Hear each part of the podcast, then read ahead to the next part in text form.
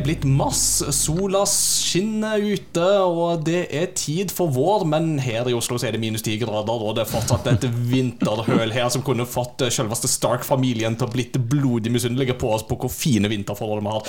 Så da er det jo veldig fint å sitte inne og snakke om gaming i stedet, og det skal vi gjøre her nå i Crossover Gaming, episode 102, med meg, Ingar Takanobe Haugen, og jeg har med meg Peter Gjøskjell. Hei! Og vi er ikke alene. Denne gangen så har vi fått eh, besøk som vi har snakka lenge om at vi må få på plass. Han er en av våre mest ivrige Overwatch-spillere i vårt community, og eh, sannsynligvis den vi kjenner som har mest peiling på PC-bygging. Så det skal vi snakke om i dag. Hjertelig velkommen, Benjamin Wittersø. Velkommen. Takk for det. All right. eh, først av alt, uh, Benjamin, du må forklare, som du jo alltid må gjøre, uh, hva er bakgrunnen for ditt Overwatch-nick Mr. Big Shoe? Mr. Big Shoe Nei Ja, eh, jeg har, eh, jeg har prøvd å, å komme til bånns i liksom når er, det, når er det jeg kom opp med det navnet. Og jeg tror det var når jeg laga meg Snapchat for første gang. Så ville jeg ha noe som ikke bare var liksom fornavn, etternavn eh, som brukernavn. Og så ville jeg ha noe som var litt morsomt, og litt som var litt Det karakteriserer meg på et eller annet, må, et eller annet vis. Og så Ikke, hest, ikke hestebest 92, liksom. Nei, nei. Nei, av en eller annen grunn så blei ble det ikke det. Eh, Nei, altså når, jeg gikk på, når jeg gikk på en skole som heter Fjellhaug, som, som sikkert ingen i rommet har hørt om Jeg har aldri eh, hørt om en gang. eh, Så var vi en tur eh, i et land som heter Afrika. eh, Og der så blei jeg presentert som Mr. Kilimanjaro. Mm. Du, det er ikke det verste nikket jeg har hørt folk har fått i Afrika. Nei, nei, nei. Nei, det var fint, det. Men vi var på tur eh, sammen med en annen som var enda litt høyere enn meg. Og så han fikk jo egentlig det navnet. eh, Og så Stemmer, stemmer. Ja. Og da tenkte jeg Men jeg har jo eh, større sko enn det han har. eh, så da blir jeg Mr. Big Shoe. Yes. Og da er jo for ordens skyld, hva er skostørrelsen? Ja, ja det, It- det a er den definitivt. It's a secret to everybody! Det er, ikke, det er ikke langt ifra at jeg sikkert kan putte mine sko inn i dine. Da, Vi kan prøve etterpå. Ja, det, det, det, må vi prøve. da vet vi hva vi skal gjøre i pausen. Det er. Det- Det var jo det jeg brukte å gjøre med folk på internatet. Ja, Ja. Gjemme skoene deres i andre sine sko. Og det var utrolig tilfredsstillende. Hjertelig velkommen til podkasten Shoeception med Peter Gjøskjell. Det er ganske tilfredsstillende når du sitter i stua og du vet veldig godt hva de leter etter. Ja. Hvor ofte kommer du på å lete inn i en annen person sine sko? Nei, liksom? ikke sant. Eh, Men Benjamin, når vi har gjester, eh, så liker vi jo å ta en sånn topp tre på liksom disse spillene har definerer liksom Benjamin. Altså, det Ja. er sånn, da har du liksom god peiling på Benjamin sin spillsmak. Hva tre spill vil du trekke fram da? Eh, det første er vel det spillet jeg har mest timer i. Uh, Final Fantasy 10. Ja. Og et Stemmer. spill som er eh, som, Altså Det er jo relativt lineært. Eh, så tenker du kanskje hvordan jeg har greid å fylle 1000 timer i det. Jo, jeg spilte mange ganger. Veldig mange ganger. Jeg hadde på, i en årrekke egentlig en sånn årlig gjennomspilling av det. Jeg hadde det på PlayStation 2, fikk vi i 2003 eller noe sånt. Eh, sleit veldig å komme gjennom det første gangen, men hadde en kompis som het Eirik. Og han, Hei, han fikk låne av meg og skjønte hvordan man kom seg videre det stedet vi var, og, og viste meg, og da, da var vi i gang. Kan jeg få spørre, hvor var det stoppa han? Uh, det var etter uh, Luca, altså på Mien High Road. Den syns jeg var utrolig vanskelig. Var det et monster som stoppet det? eller var Nei, det men Nei, det er et veldig langt område med mye monster. Mm, jo, mye ja, mm. encounters. Um, For jeg òg spilte jo det når jeg var liten, Mm. og visste ikke at farming og sånt var en greie. Og da var det en sånn lang vei, og så var det et svært monster på slutten med sånn si- Ja, Ja, det lilla stemmer. Ja. mm. All, kom alle forbi der. Eh, så det jeg lærte av eh, Eirik, var jo da at uh, her må vi Vi kan jo levele opp, faktisk. Det finnes en uh, sphere grid som er liksom experience og skills og, og den slags eh, utvikling. eh, som Å ja, å ja, går det an, ja? Er det det de poengene vi får etter kampen her til, liksom? Eh, Det var jo det ja. vi skjønte det, så skjønte jeg Å ja, da, men da kan vi egentlig bare grinde masse småmonstre, og så blir vi supersterke, og så cheeser vi gjennom resten av spillet. Så, så det var liksom eh, Det var, da Jeg merka at det spillet traff meg veldig. Mm. Det har jeg spilt mange ganger i etterkant òg. Mm. så det kom jo også en HD-versjon i 2013. 13 eller 14, ja. På, på PS3, og så kom det på PS4, og så kom det på Steam. Det har vi kjøpt alle steder. Hadde du det på Switch òg? Nei, jeg har det ikke på Switch. Oi. What? Altså, prøv å følge med i timen, da. Så vet vi to ting vi skal gjøre på pausen. Shopping! Så ja.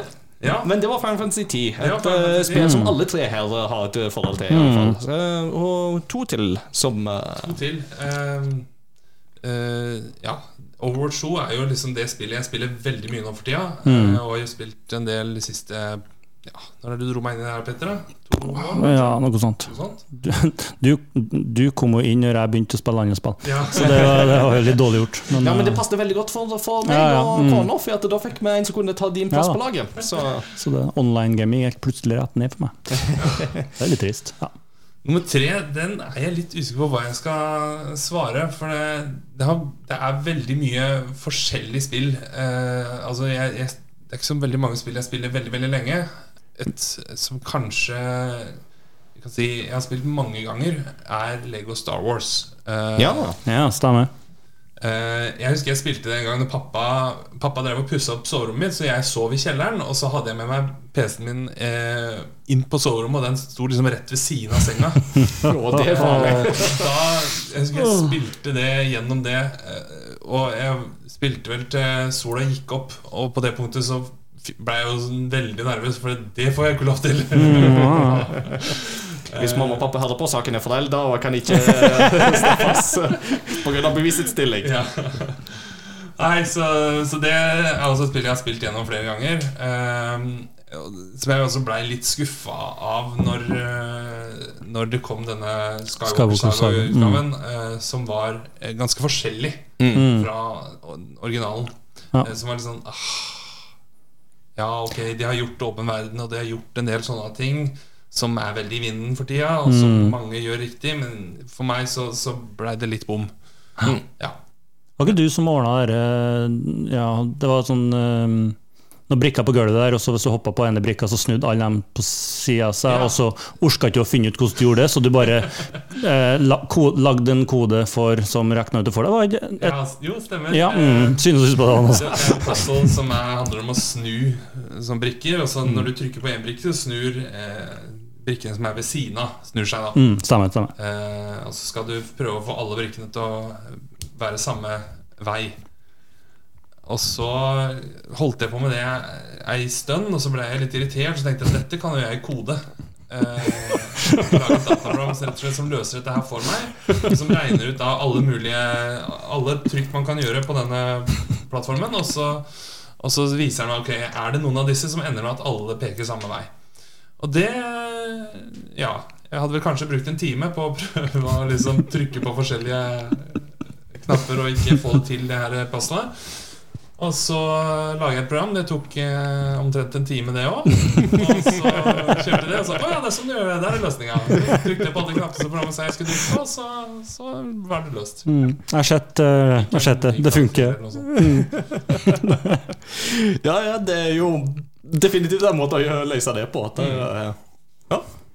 Nei, men så bra. Nå har vi jo fått uh, en god um, peiling uh, på hvor vi kan plassere deg i uh, gamingsjiktet. Uh, mm. hvert sånn innledningsvis, i hvert fall. Og så blir det jo mer prat underveis i episoden. Ja. Bare Er det cheating, eller er det ikke cheating? Jeg klarer ikke å bestemme. Satt liksom og tenkte på det nå. Hvis det er singleplayer, nei. Ja, men sånn for du Men samtidig så du gjorde jo lagde jo sjøl Jeg begynte bare å tenke også, må det være sånn måte. Ok, sorry. Fortsatt. Er det cheating eller ikke? Det blir neste lytterpost. Skriv inn til crossover gaming Nei, podcast, To gmail.com. cheat or not to cheat. Men Peter, Ja, hei. eh, du var jo ikke med i siste episode. Men, Nei, jeg har ikke vært her eh, så- Nei, du har ikke vært med siden jubileumsepisoden. Og imellom der så har jo du vært i Japan for første gang. Oh, yes. Eh, Så fortell litt lytterne. Hva, hva syns du? Eh, Kan det anbefales? Uh, det er det som er dagens anbefaling. Det, ja, det, og, altså, vi var jo, det var jo en 20-dagers tur. eh, 18 dager i Japan. eh, og det jeg satt og liksom kjente på når eh, vi skulle reise hjem igjen, det var å, det skal bli godt å treffe kona. Jeg gleder meg til å komme tilbake.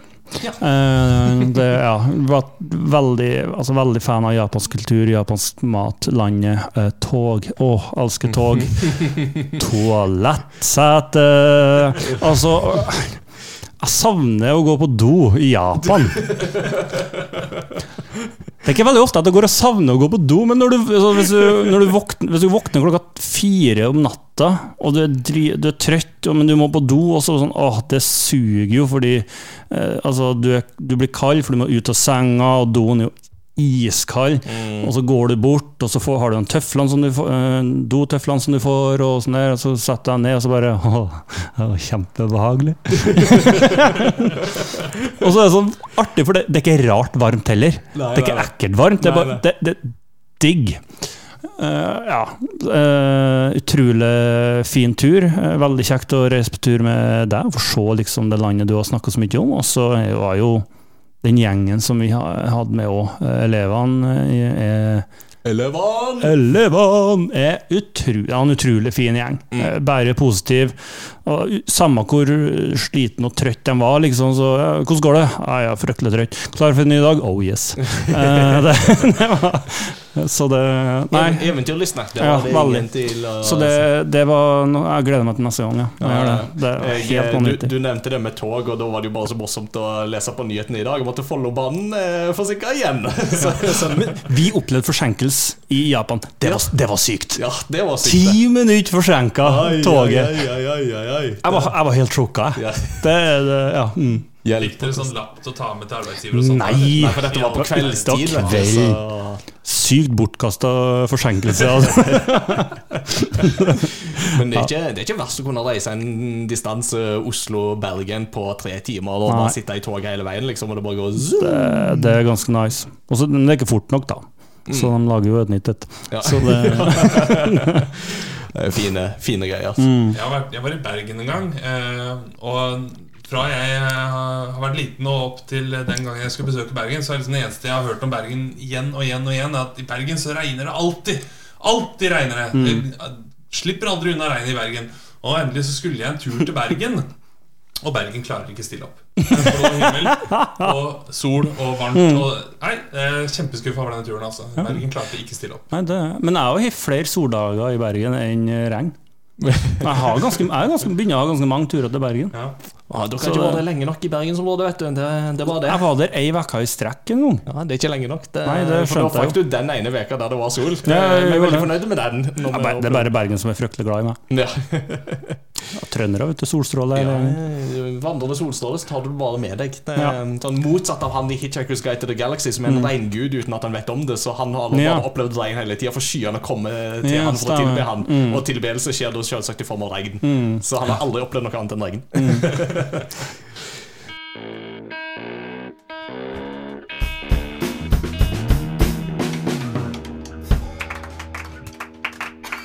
Ja.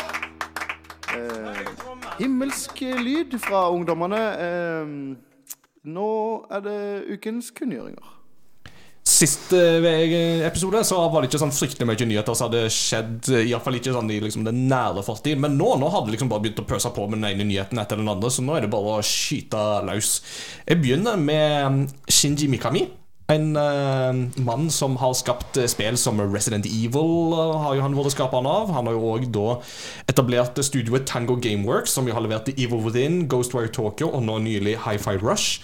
Uh, men han skal nå forlate dette studioet som han sjøl etablerte etter 13 år. Så det blir veldig spennende å se hvor han går videre, og hva han eventuelt skal finne på. Veldig kul fyr. Det var en av de få spillskaperne jeg faktisk har møtt. Han er jo skikkelig kul. Går liksom alltid med caps og sånn jakke med masse sånne der, eh, sydde sånne der patch, patcher Mm, på. mm. Og, bare skikkelig sånn kul og fri fyr uten å være liksom altfor liksom raddis eller noe sånt. Og bare liksom generelt hyggelig. Så veldig spent på hva han skal finne på videre. Noe Resident Evil-erfaring, Resident Evil-erfaring, forresten. Nei, jeg har vel bare hørt navnet og sett på noen eh, fragmenter av noen streams. Det er ikke Mm. egentlig min type spill. Nei. Og Peter trenger ikke å spille engang. Det er zombier. Altså. Nei, det, det, da hadde jeg sittet her, altså. Det er helt greit. Det. Det, det er greit. morsomt, for Du har nevnt mange ganger at zombiespill det er ikke noe for meg. Men jeg tror kanskje du er den jeg kjenner som har snakka mest om å ha spilt zombiespill. ja, det kan godt hende. Men det er de få zombiespillene som jeg spiller, jeg er veldig glad i. Ja. Mm. Eh, men det er Det er to, det. Eller tre, da, hvis du tar med Last of Us Part 1 og 2. Eh, men ja. Så det, det er ikke så mye det, egentlig. Nei. Men da får jeg ta Resident Evil 4-platen når vi kommer liksom over påske. Så da har sikkert jeg spilt det. Så da skal jeg eh, fortelle alt om det når vi kommer så langt. Eh, noe som jeg derimot vet at du har spilt i mer, eh, Benjamin, det er jo Pokémon. Eh, Nærmere bestemt Pokémon Scarlet og Violet. Og de får jo en todelt utvidelse kalt The Hidden Treasure of Area Zero. Eh, I tillegg til det så har jo Nintendo, eller nei, The Pokémon Company, på sin årlige Pokémon Stream 27.2 eh, annonsert eh, appen Pokémon Sleep, som jo nå skal hjelpe voksne mennesker å sove trygt og godt. Eh, Jeg, jeg var helt overbevist om at da eh, Pokémon din Snorlax, men ok. ja, jeg, går- men, altså Snorlax dukker opp i reklamen, iallfall. Ja, det antar jeg den men også. ja. Mm. Uh, men Scarlett og Violet er jo kanskje den største nyheten her. Og du har jo lagt inn et par timer i dit. spilt, eh, ja, det har jeg egentlig kost meg en del med. Uh, Det nyeste der er jo at det kom to nye Raid-pokémoner som dukka opp. eh, Som aldri, aldri sett før. Jeg skal ikke avsløre for mye om de, men de, de er veldig De er ganske kule. Og de, de henter inspirasjon fra en som kom fra andre generasjon, en som kom fra oh, nå lever jeg farlig. Femte generasjon. Det er sikkert feil. Eh, grønn og legendarisk er den i alle fall. Eh, ja, så, så Ganske kule raids. Eh, og de Pokémon du får, er også ganske brukbare for raiding videre. For de som eh, ønsker å holde på med sånt. Mm. Ja. Spennende. Eh, apropos dette med utvidelser og DLC. Elden Ring får DLC. Er det noen av oss som fortsatt har spilt eh, noe særlig Elden Ring? Nei. Nei. Da går vi videre. da blir vi den norske spillpodkasten som snakker minst om den i utvidelsen. Men uh, oss, oss om det. Beklager. Nei. Uh, et studio som uh, jeg har blitt veldig glad i, er jo IO Interactive. Må ikke forveksles med IOI i eh, Ready Player One, selv om de har samme initialene. Det var veldig likt. Ja, det er veldig likt, men IO Interactive de er jo våre danske venner som står bak, hit, står bak Hitman, og som jo holder på med et James Bond-spill for øyeblikket. Men de er stopper ikke der. De stopper ikke der De skal lage en MMO-RPG, har de sagt. Detaljene er vage, men de sier at spillet er inspirert av klassiske penn og papir-rollespill og Choose Your Own Adventure-bøker. Så det er jo litt spennende at eh, våre danske venner kaster seg løs på det. Hva, Mm. Kan det bli aktuelt, eller er liksom den tida gone? Kanskje på tide med en ny omgang. Mm. Det er jo Altså, det har jo på en måte Vov som lever litt sånn med sine egne, eh, men sliter vel litt med å få inn nye, eh, den nye generasjonen. Så Ja. kanskje det her er det som kanskje ja, får, får blæse det litt i gang igjen. da. Ja da, og så har du jo Du har jo sånn som Lost Ark, er jo dette ene MMO-et som jo gjorde det litt sånn greit i fjor, har jeg jo forstått. Ja, og så har du jo dette her til Amazon òg. Eh, ikke Secret World, men eh, New World heter det riktig. Ja. Eh, det, det, det hadde jo veldig blest da det begynte, og så tror jeg det dalte litt av etter det. Men det, det har jo ikke blitt lagt ned under noen omstendigheter. Og så er det jo Final Fantasy 14 da som jo bare putter og går. Det Ja, vanligvis det er for, det er jo for så. Så, så det, Mm. det er jo litt marked her for Ja noe av dette her, tenker jeg. Så det blir jo spennende å se om de eh, klarer å prøve seg. For min del så, så, så er MMO-er det, er liksom, det er så stor kostnad å begynne med det. For jeg vet at hvis jeg skal begynne her og, og komme noen vei, så må jeg legge inn så sinnssykt mange timer. Så, jeg, så jeg prøver liksom å holde meg unna det.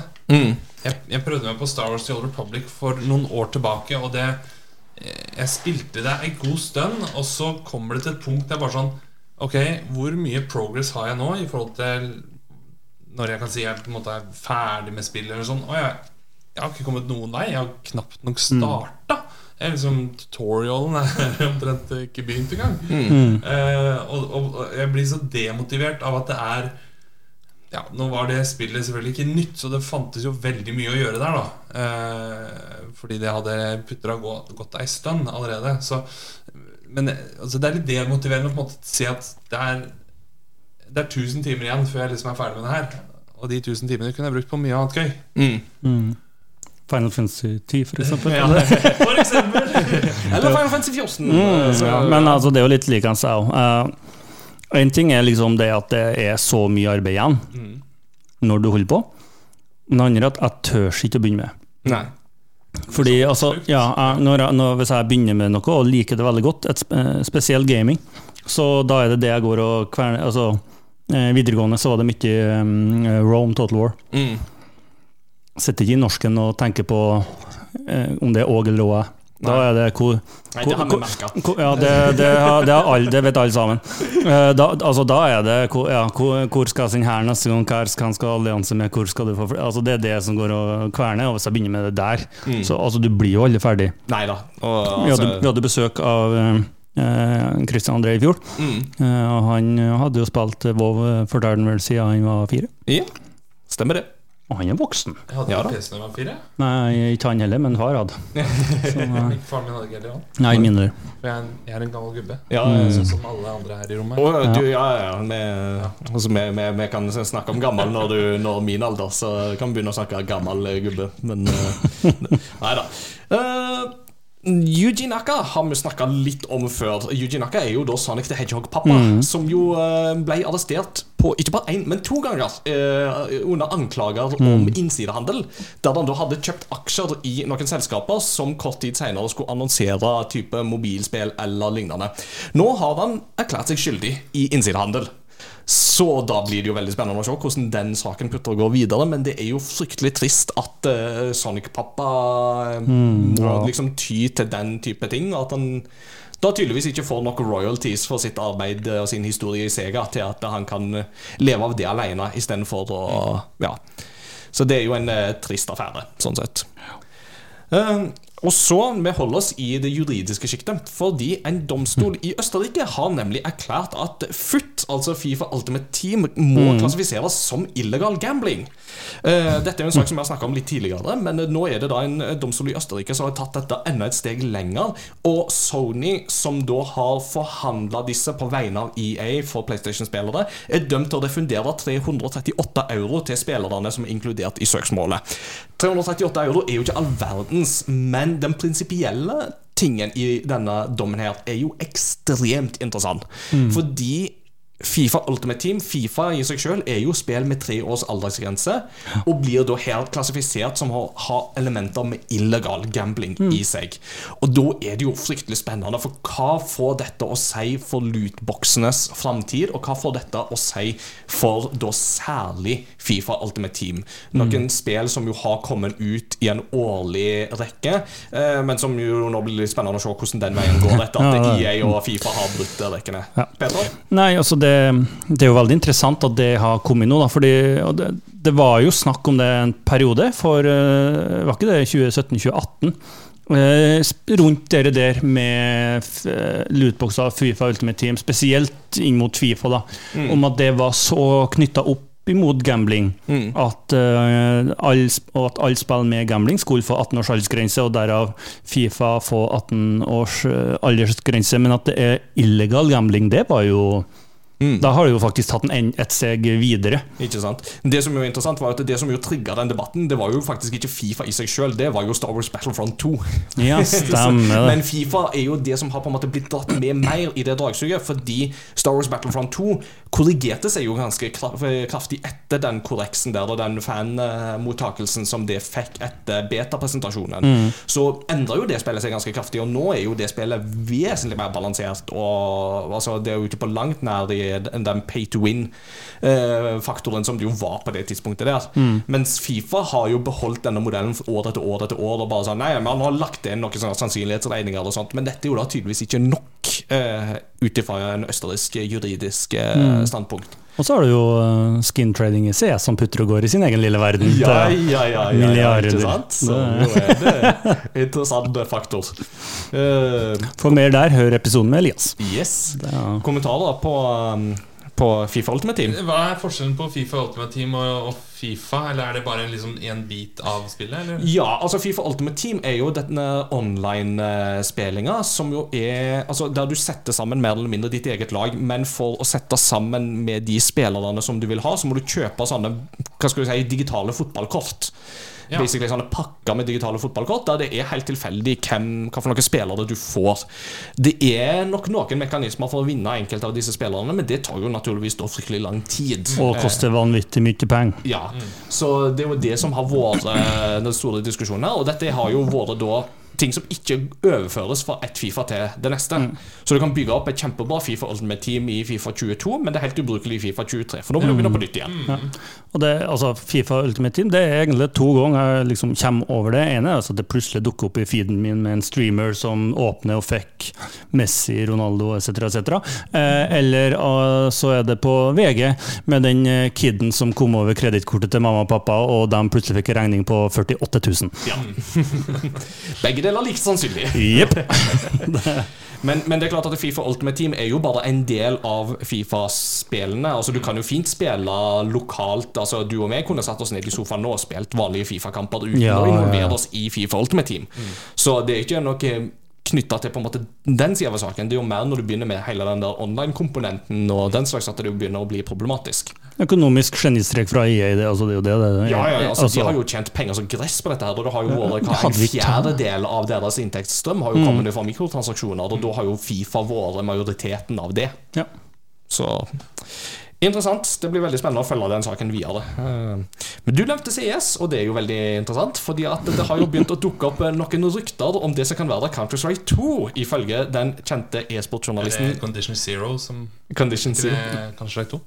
Uh. Source fra og- Ja, nei, altså det, det kommer litt an på hvordan man definerer det, vil jeg tro. Men det er iallfall e-sportjournalist Richard Lewis eh, som skal være den relativt Ja, han CS. han kaller, det, han kaller det CS2. Han kaller det Det burde jo CS2. CSGO 2. Ja, men det, hvem vet hvordan den definisjonen fungerer? Det er jo ikke det, er jo ikke det andre CS-spillet, i hvert fall. Nei, det er jo ikke. det- Nei, det er jo ikke det. Så, men det blir jo litt sånn som at Xbox One er jo ikke den første Xboxen heller. Det er den tredje Xboxen ut. Så. Tall er jo bare fiktive. Og la oss ikke begynne å snakke om Kingdom Hearts. Ikke sant? Uh, så, men det skal ifølge han, Richard Lewis, straks være klart for betatesting av dette her. Uh, Han påstår sjøl at det skal være klart liksom, mot slutten av måneden. Vi får se om det holder dette her, eller om det bare er løst fjas. Her står det om en sånn annenhver eh, sak. uh, no Counter-Strike 2 is not real. Counter-Strike 2 is real. det er bet, ja. ja men kul, Spennende. Så det, vi kan bare kaste en mynt opp i lufta, og innen den har landa til neste episode, så har vi kanskje fått et svar. Hvem vet? Så har vi jo Paradox Interactive, er jo uh, våre venner i Sverige som jo er mest kjente for å lage strategispill. De hadde en presentasjon, presentasjon på mandag, som jo ja, noen i vårt community er jo veldig glad i, sånn som Nikolai. Nikolai. Eh, og altså, De lager jo for det meste strategispill, men de lager et par andre ting òg som er interessante å slenge ut. De annonserte en, en utvidelse til Crusader Kings 3, som heter ja, Tours and Tournament. Og så annonserte de en Sims-klone som kalles Life by You. Eh, en av skaperne bak The Sims er faktisk med i arbeidet på dette her. Så ja. det kan jo være interessant, for at The Sims har jo på en måte hatt litt sånn monopol på det markedet der siden 2000-tallet. eh, Siden de basically skapte sjangeren, for å si det mildt. Ja, det. Hva tror dere? Er det rom for flere sånne aktører? Altså, det er jo lenge siden Sims 4 kom ut. Mm. Eh, Så det begynner jo å bli et Mm, det også. ja, det er også. veldig lenge siden. Eh, Jeg tipper det er sånn 2015 eller 2016, kanskje? Peter kommer til å sjekke det. Ja, han holder på å se. Har du funnet noe? 2014. 2014. 2014 er det, så Det er noe som uh, Mario Kart. Ja, faktisk. Ja, Ja. faktisk. Ikke sant. Så altså, trenger en oppdatering. Ja, det, DLC da er det- pakke 4 kommer nå i dag. da er det på tide å få altså, kjære, Når du har ett spill, da må du nå Mm. Men uh, uansett så tror jeg at det kan være noe mm, plass til flere sånne aktører på markedet. Så det blir jo interessant. De annonserte òg en eh, taktisk turbasert spill som heter The Lamplighters League and The Tower at the End of the World. Som da blir beskrevet som Indiana Jones møter XCOM. Det så faktisk litt artig ut. Det var han så jeg anbefaler Thailand. Det ser gøy ut, det. Europa Universalis for utvidelsen Domination. Og eh, til slutt, da, min favoritt i dette her. De annonserte Cities Skylines 2. Dette by byggespillet. Oh, som det- eh, ja. Og det er jo gøy, for at City Skylines var jo da Det kom jo ut i 2015. Det er Mm. laget av Colossal Order, som på det tidspunktet var et studio på 11 personer. Mm. De klarte jo da å lage det spillet som EA og Maxim ikke klarte da de skulle bygge Altså lage det nye SimCity Sim ja, i 2013. Det var derfor de lagde det. De elska SimCity, og så bare sånn Det her suger. Vil lage det sjøl sånn. Ja. Ja. Og, og altså Det som SimCity floppa med, selv om de hadde alle ressursene til EA i ryggen, det klarte det et lite finsk studio på 11 mann å få til. Og, og Cities har jo vært fantastisk. Altså, det er fortsatt kjempegøy, og det er jo så masse mods i det. Altså, folk har jo modda inn alt fra liksom, Batcave til Ghostbusters og alt mulig rart Ja. inni dette. Det er jo veldig gøy å se. Utrolig bra ordna. Og The City Skylines 2 kommer da visstnok i løpet av året i år på PC, PlayStation 5 og Xbox eh, Series. Eh, så det kommer ikke til forrige generasjon. Den dropper de. Tuff, du. Fun fact. Eh, det er en nederlender på YouTube som har eh, laget nesten hele Oslo, i hvert fall innafor Ring 2, Mhm. i City Skylines. Kult. En nederlender. Ja. Ja. Hvorfor Oslo? han gjorde det, det husker jeg ikke. Nei, ok. Rått, da. Ja. Og City Skylines ble jo brukt under valgkampen eh, en av året. For eh, de skulle, det var vel Erna og eh, Jonas som skulle, de skulle holdt på å si, demonstrere sine bybyggeferdigheter eller sånn byplanleggingsferdigheter. eller noe sånt. Det var ganske treig TV, så det var ikke så veldig godt planlagt. Men det var, de skal ha for Altså. Veldig fan av ideen, men Erna og Jonas i sitt Det høres så kjedelig ut. Sett Abid Raja til å gjøre det, så tror jeg Ja. det hadde blitt litt mer schwung over det. Det, og, og, stortingspresidenten, han er ganske festlig. Putt han inn, så da, da blir det good. Da har vi fest. Ja. Herlig. Uh, og så har vi jo fått noen eh, datoer på eh, tampen av innspillinga av denne episoden. En av nyhetene kom jo da i går, som jo da er at Starfield utsettes. I'm shocked! I'm shocked! Well, I'm not that shocked. Men eh, det er da utsatt fra våren 2023 til 6. september 2023. Så nå får vi se da om eh, det kan hjelpe, eller om eh, spillet fortsatt vil lide av det klassiske Bethesda-problemet. Is it a bug or a feature? Yes! Jeg lurer på Når at du tydeligvis sliter så gærent, da, er det ikke greit å bare sikre seg? Jo. 6.9.2024 hadde vært en mye lurere dato. Altså På sett og vis hadde det jo kanskje det, men Og så kan du heller overraske. ja, altså, på, et eller annet sted så må du jo bare s Ja, ja. få tingene ut, tenker jo jeg da. Men jeg er, altså, for all del altså, er det bedre at de utsetter det. Altså, Det at de utsetter det, er jo et tegn på at de trenger den tida, og Mm. da tenker jeg at det er bedre at de tar seg den tida der. Jo, ja, Men, altså, jeg, er vel, jeg er eh, veldig fan av å utsette i stedet for å gi ut for tidlig. Mm. Men, det, men hvis at du ender opp med utsatt og utsatt og utsatt, og utsatt så det, da blir det et stort irritasjonsmoment, for da blir du påminnet Mm. om det hele tida. Hvis at du har satt Mm. datoen så at ok, her vet vi at du er ferdig. At Mm. Mest sannsynlig i god tid før, så slipper du på en måte få opp det i feeden din. Ja, Spillet du gleder deg til, er utsatt. Ja, det er jo litt Igjen. sånn altså, Der har jo Ubisoft har jo hatt et veldig stort problem Ja, ja. med Sea of Thieves, som jo bare Oh, har blitt yes. utsatt igjen og igjen. Og jo, Ja, men Det er jo en taktisk genistrek av gjengen som driver og lager spillet, for de er jo sikra jobb fram til spillet kommer ut. Ja, eller pengene tar slutt. Alt, Ja, altså. ja, det. Sea of Thieves gitt ut for lenge siden. Nei, det er ikke gitt ut ennå. Det er fortsatt utsatt. Det skulle komme ut i februar. Eh, Nå så ble det utsatt igjen. Nå ble jeg veldig forvirra, men For da har jeg jo det sjørøver... som har plutta 800 timer inn i Nei, nei, nei, unnskyld, jeg mener Skull and Bones. Skull and Ja. Bones Ja. er ja, Ja. det, jo, beklager, jeg sa Sea of Thieves. Det er jo Ja. Jeg er unnskyldt, jeg har jeg medisiner som ikke jeg, jeg får ikke sove for tida, så Ingar har ingen unnskyldning til å gjøre meg Jeg forvirra. ingen unnskyldning. Skull and Bones var jo det jeg mente. Dere skulle holde meg gående i dag, og så bare fører du meg bak lys. Mm. Eh, og apropos Ubisoft, så er det jo også verdt å nevne at eh, Beyond Good and Evil 2 er jo et spill som i alle fall har venta på seg. Det var jo første gang vi så klipp av det, eller et skjermbilde av det, var jo i 2009. Og så Ja, det han som sprenger nedover det- zombiespillet. Det, det er det, ikke det? Nei, Beyond Good and Evil Nei, 2 ja, nei, er mm, Altså, det ble presentert Sist gang vi så video fra det, var E3-messen 2017.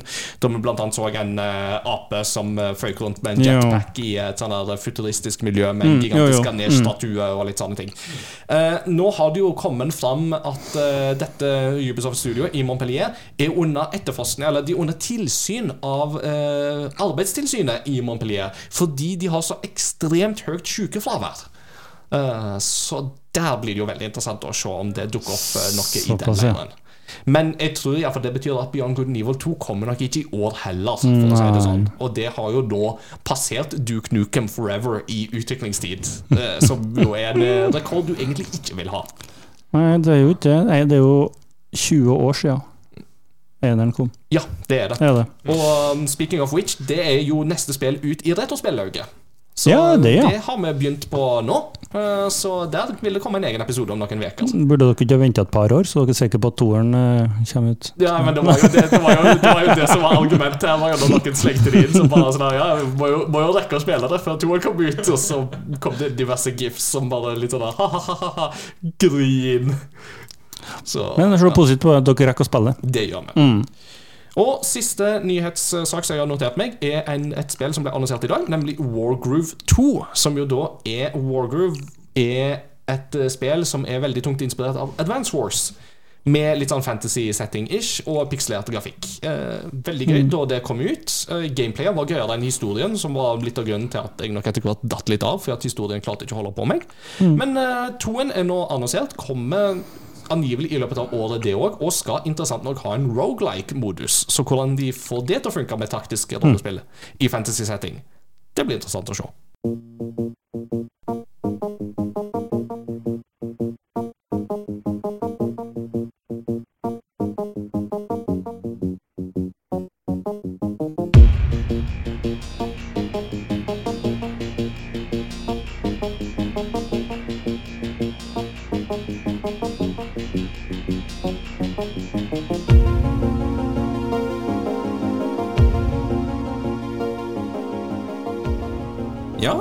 Var jo nok av nyheter å ta seg for dem, men eh, nå er det et annet tema som vi skal ta for oss, og det er PC-bygging. Peter, dette har vært ditt eh, ikke hjertebarn, men det har jo vært ditt forslag å slenge inn dette som et tema. Og Ja, jeg tenkte det kunne være spennende. Så. Ja, jeg tenker det er kjempespennende, for Og PC-bygging relevant. ja, det er et tema som i 20 år er noe som jeg bare har visst det er der. Og så har jeg aldri klart å lære meg noe som helst om det. Jeg, jeg tør ikke å nærme meg det å bygge en egen PC. Jeg er bare redd for å ødelegge alt. Altså, Jeg er jo så lite handy som det går an å få. Jeg pleier å si at hvis jeg skal hamre inn en spiker i en vegg eh, med en hammer, så ødelegger jeg veggen, jeg ødelegger spikeren, og jeg ødelegger hammeren. Ja. Så derfor så er ikke det med å bygge en egen PC noe som jeg i utgangspunktet tør å begi meg veldig ut på. Men da er det veldig kjekt at vi kan eh, invitere vår eh, communities svar på Henry Cavill, som kan komme inn og bygge PC for oss. uh, uh, og det er jo da deg, Benjamin. Jo, ja. det, det, du får til å ta leve på det. Ikke like bøs som han, men Eh, Altså, jeg hadde jeg sett jeg, jeg hadde sett deg i sesong fire av The Witcher. Altså, bare gi deg litt grått også. så, Bare grynta litt, litt sånn Der var det. You're hired. Men uh, Benjamin, PC-bygging, det er mer, der har du litt mer kompetanse enn både meg og Peter. Det må vi tørre å påstå. Ja, det kan jo tenkes. Ja, så Ta oss nå med gjennom din PC-byggehistorie. Altså, Når vil du si at du bygde din første PC? Min første PC bygde jeg i 2009. Ja, Det, da hadde jeg litt konfirmasjonspenger, og så kan eh, lytterne regne litt på hvor gammel jeg er da. Eh, som jeg skulle bruke. Jeg hadde egentlig lyst til å kjøpe en laptop som var eh, meget upraktisk å ha, fordi den var 20 tommer skjerm. Del hadde nemlig en sånn en som jeg syntes var veldig tøff. Utrolig dårlig. Ikke, ikke kjøp upraktiske ting. nei, Pappa sa nei til det, men han sa ikke nei til å kjøpe en stasjonær PC som jeg fikk lov å bygge sjøl. Så da var det liksom å gå inn på internett og kjøpe masse deler som jeg ikke visste hvordan fungerte. Jeg greide å få en prosessor som passa til hovedkortet. eh, og der var egentlig Det var der på en måte kunnskapen stoppa. Og så var det å gjette seg fram til Nei, billig hovedkort, det går sikkert fint. Det Skjermkort det er bare, har jo, det er jo skjermen som er viktig. har skjerm. Så for, for, så for altens skyld, hva skjermkort har du nå? Nå har jeg et Nvidia RTX 3090. Ja. Mm. Da kjøpte jeg et Nvidia GeForce 8600 GT. Ja, Mhm, ja, ja. Det, det, som eh, var relativt nytt, men det var jo ikke top of the class. 8800 GTX var jo top of the class. Eh, men eh, Eller Ultra var det faktisk en versjon som het også, som var enda, enda litt eh, rammere. Men ja, 8600 GT. Det holdt ikke til å spille Need for Speed på toppspekk, og det ble, gjorde meg veldig irritert. Nei, jeg bygde den PC-en og, og hadde litt hiccups. Eh, Den ville ikke bute og, litt sånn. Eh, Pappa hadde en kollega som, eh, som hadde litt peiling, som tok en kikk på den. Så at her hadde jeg gjort mye rart som ikke var så smart. Så kanskje jeg burde endre på dette her og dette her og, og gjøre sånn og sånn. Og, og gjorde jeg det, og da, da buta han opp og starta. Og fikk installert Windows og Windows Vista på den tida. Det var Åh, Vista. yes. Ungdommen skal bare visst da. Ja. Før i tida. My new laptop came with Windows 7. Windows 7 is much more user friendly than Windows Vista. I don't like that. Det ble dagens Big Bang-referanse.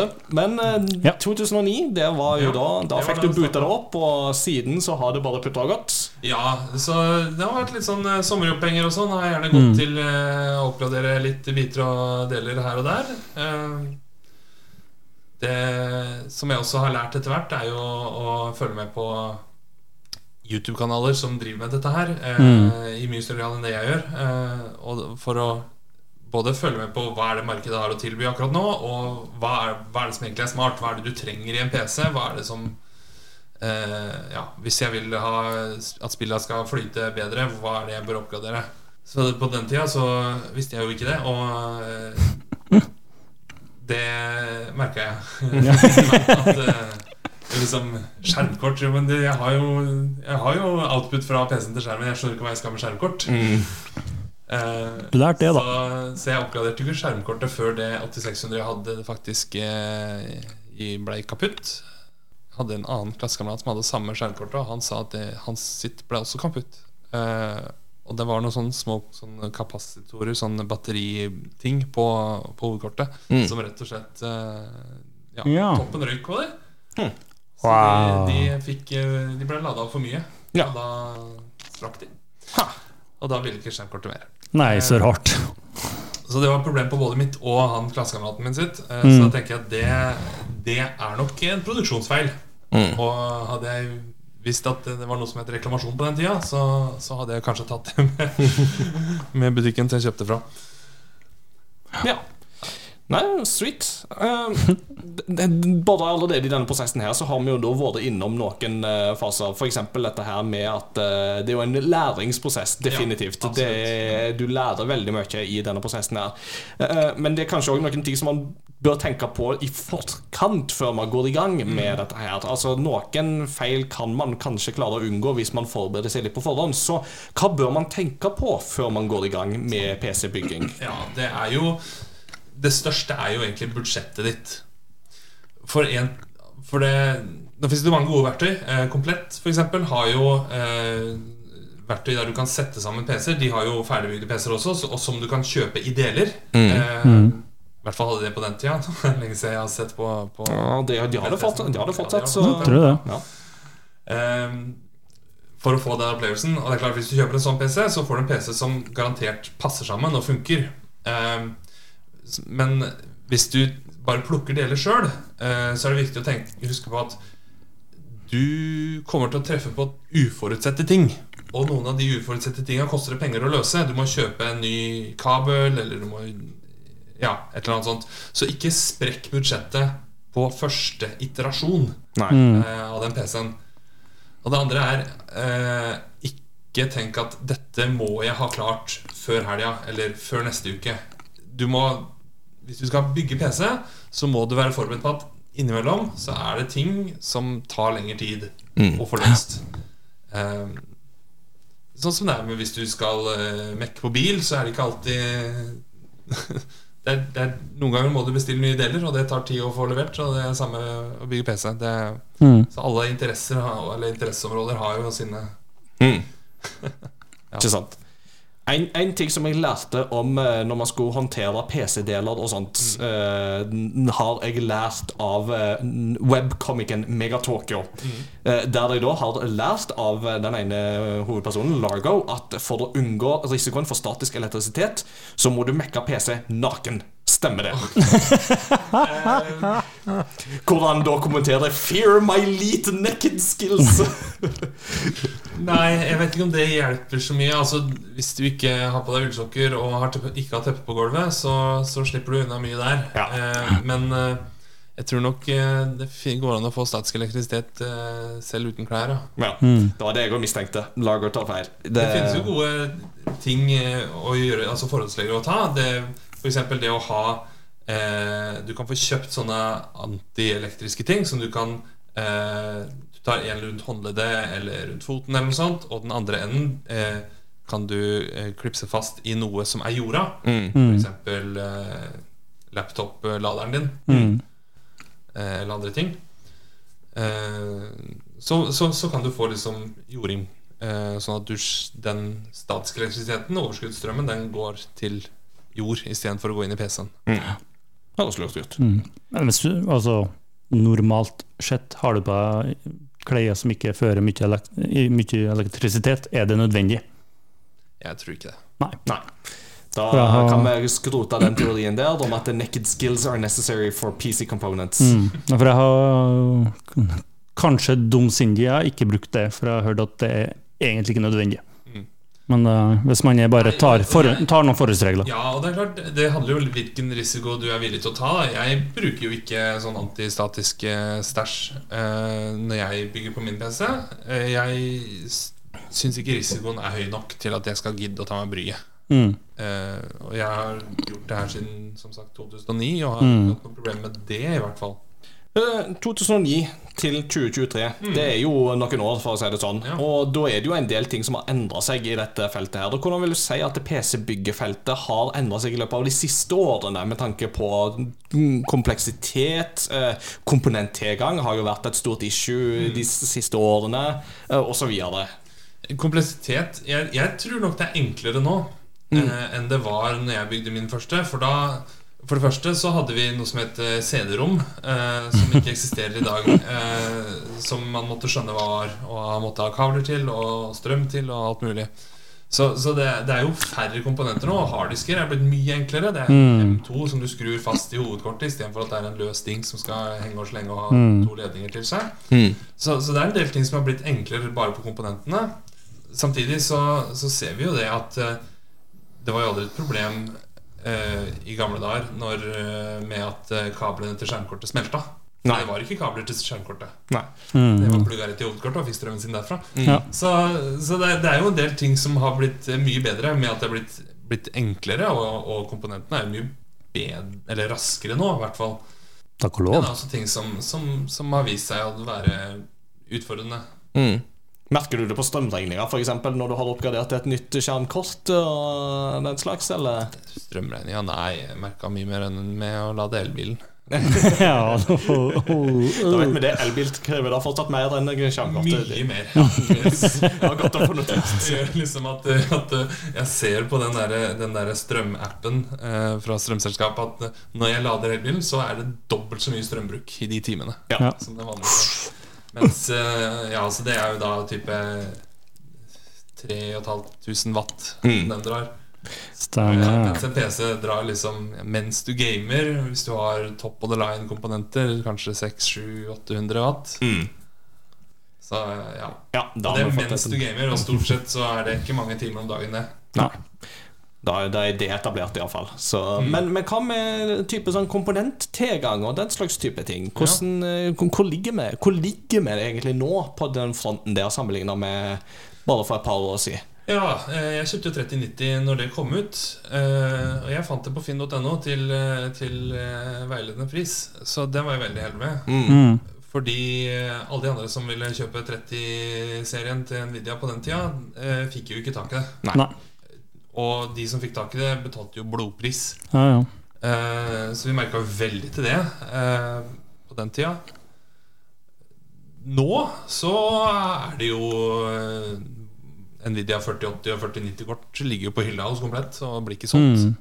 Noe av det selvfølgelig fordi folk er ikke innelåst hjemme under en pandemi lenger, men også fordi de er for dyre. Så, så jeg tenker jo at det er sikkert noe som, som produsentene gjorde for å kompensere for det kjempesalget. At de skrudde opp prisene nå til neste iterasjon av, eh, av produktene sine.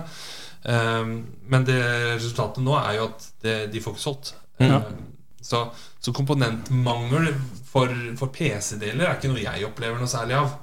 Um, det, det er liksom kanskje den første uka eller to etter at, eh, at AMD og, og Intel kom med de nye CPU-ene sine i høst. Så, så, så var det jo utsolgt. Men, men, men det kommer fort tilbake igjen. Det fyller seg opp. Mens det vi så for to år siden, var jo at eh, det var utsolgt.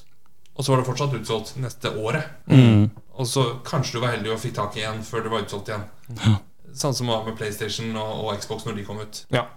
Og det er jo interessant, for nå ser det jo at det er jo stadig flere nå som Altså Nå begynner jo tilgangen på PlayStation 5 å stabilisere seg ganske greit. er Ja, ja. sett, Men det er jo først liksom nå i 2023 at det egentlig har gjort det. Eh, Så Men vi ser det jo også i andre bransjer, selvfølgelig. Det har jo bilprodusenter som, eh, som eh, Tesla, f.eks. De gidder ikke utstyre bilene sine med ryggesensor lenger. De bruker bare det kameraet de har. Fordi ryggesensoren, den, da krever det flere ja, databrikker og sånn for, Mm. for å lage Og de, det blir for vanskelig for dem å levere alle bilene med alle Alle de Ja, med så mye brikker. Mm. Så da velger de eh, hardware-messig enklere løsninger. Ja, det er jo interessant å merke seg. Mm. Og, og, altså, jeg lurer jo litt på Har denne mm, Særlig da på PC-fronten, så var det jo Du nevnte jo det, ikke sant? Altså 30 30-serien var jo Eller 3000-serien, om du vil, var jo liksom den som var vanskelig å få tak i. Mange tenkte jo, meg sjøl inkludert, at dette var jo veldig mye knytta til på en måte denne kryptovalutaboomen, og at alle Ja. skulle drive på pharma bitcoins og sånt. Tenker du det er noe hold i det, eller at, fordi at det markedet har kollapsa, at det har påvirka noe? Eller? Jeg eh, mina jo sjøl noen måneder etter at jeg kjøpte 3090 for å se på det. Lurte på om jeg kanskje tjente inn 4000 kroner eller noe sånt i løpet av de månedene.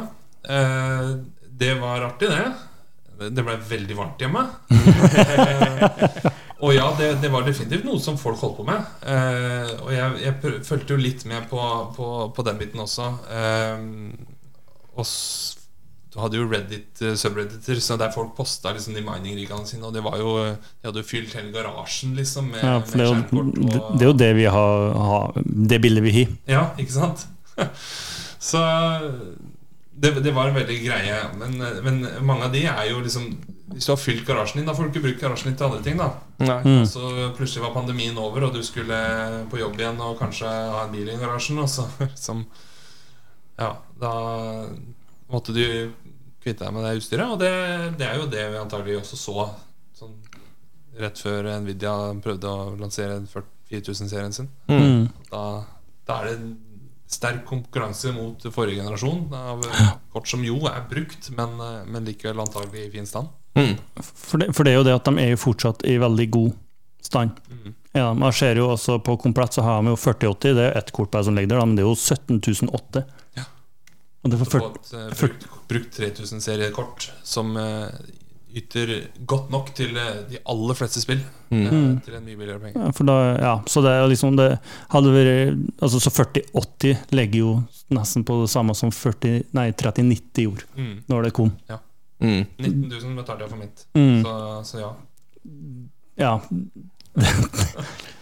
Det er jo det, det er ikke bra. De, de sa noe sånt som Morse, sin, altså Morse law is dead. Ja. eh, som, som er deres unnskyldning for å bare ta mer og mer betalt for produkter som, eh, som Mm. eh, Ja, så Neste generasjon blir det sikkert enda dyrere, uten at du får like mye igjen for pengene. mm. For alt jeg vet. Det, jeg jeg syns jo det er veldig skuffende da at de, de unnskylder seg på den måten. Ja, ja. Mm. Eh, Og da er det jo litt interessant å se altså, hvor kommer på en måte AMD inn i det markedet der. Og så har du jo òg Intel, som jo begynner å melde sin entré på grafikkortmarkedet med sine XS. Er det det de kortene heter nå igjen? Uh, ARC heter kortet, ARC heter XESS det er supersampling. eh, XESS var teknologien Ja. Sånn, ja. ja, riktig.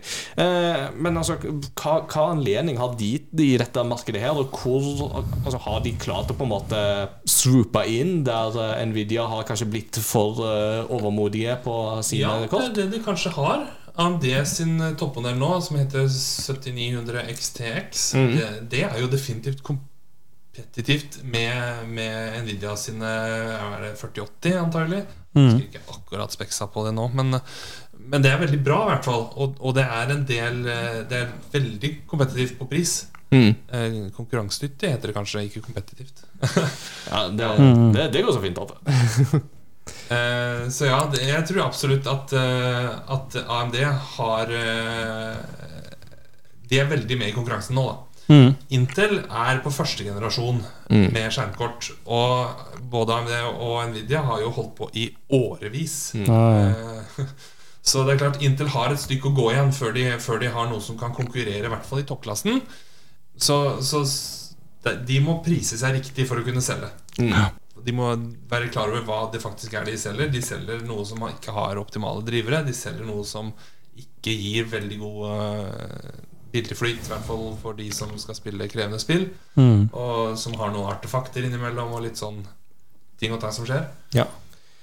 Eh, og jeg tenker jo det at En fordel som både AMD og Intel har, er jo det at de stiller jo med prosessorer òg. Altså at de kan, altså de kan lage CPU-er og GPU-er som snakker veldig godt sammen med Ja. hverandre. Mens Nvidia er jo kun på grafikkortmarkedet og må Ja. jo dermed basere seg på på en måte den andre Ja. teknologien det. Altså, er det noe, Merker med noen fordeler der? Liksom, nå er det jo kanskje AMD som er lettest å måle Ja, det det på. hadde jo en teknologi som, som de snakka om for et par år siden, eh, som jeg ikke husker hva den heter. Men, men det handla jo om at du skulle kunne gjennom en mye breiere buss kunne dele eh, minnet mellom CPU-en og GPU-en. Ja, stemmer. Eh, det var noe, ja.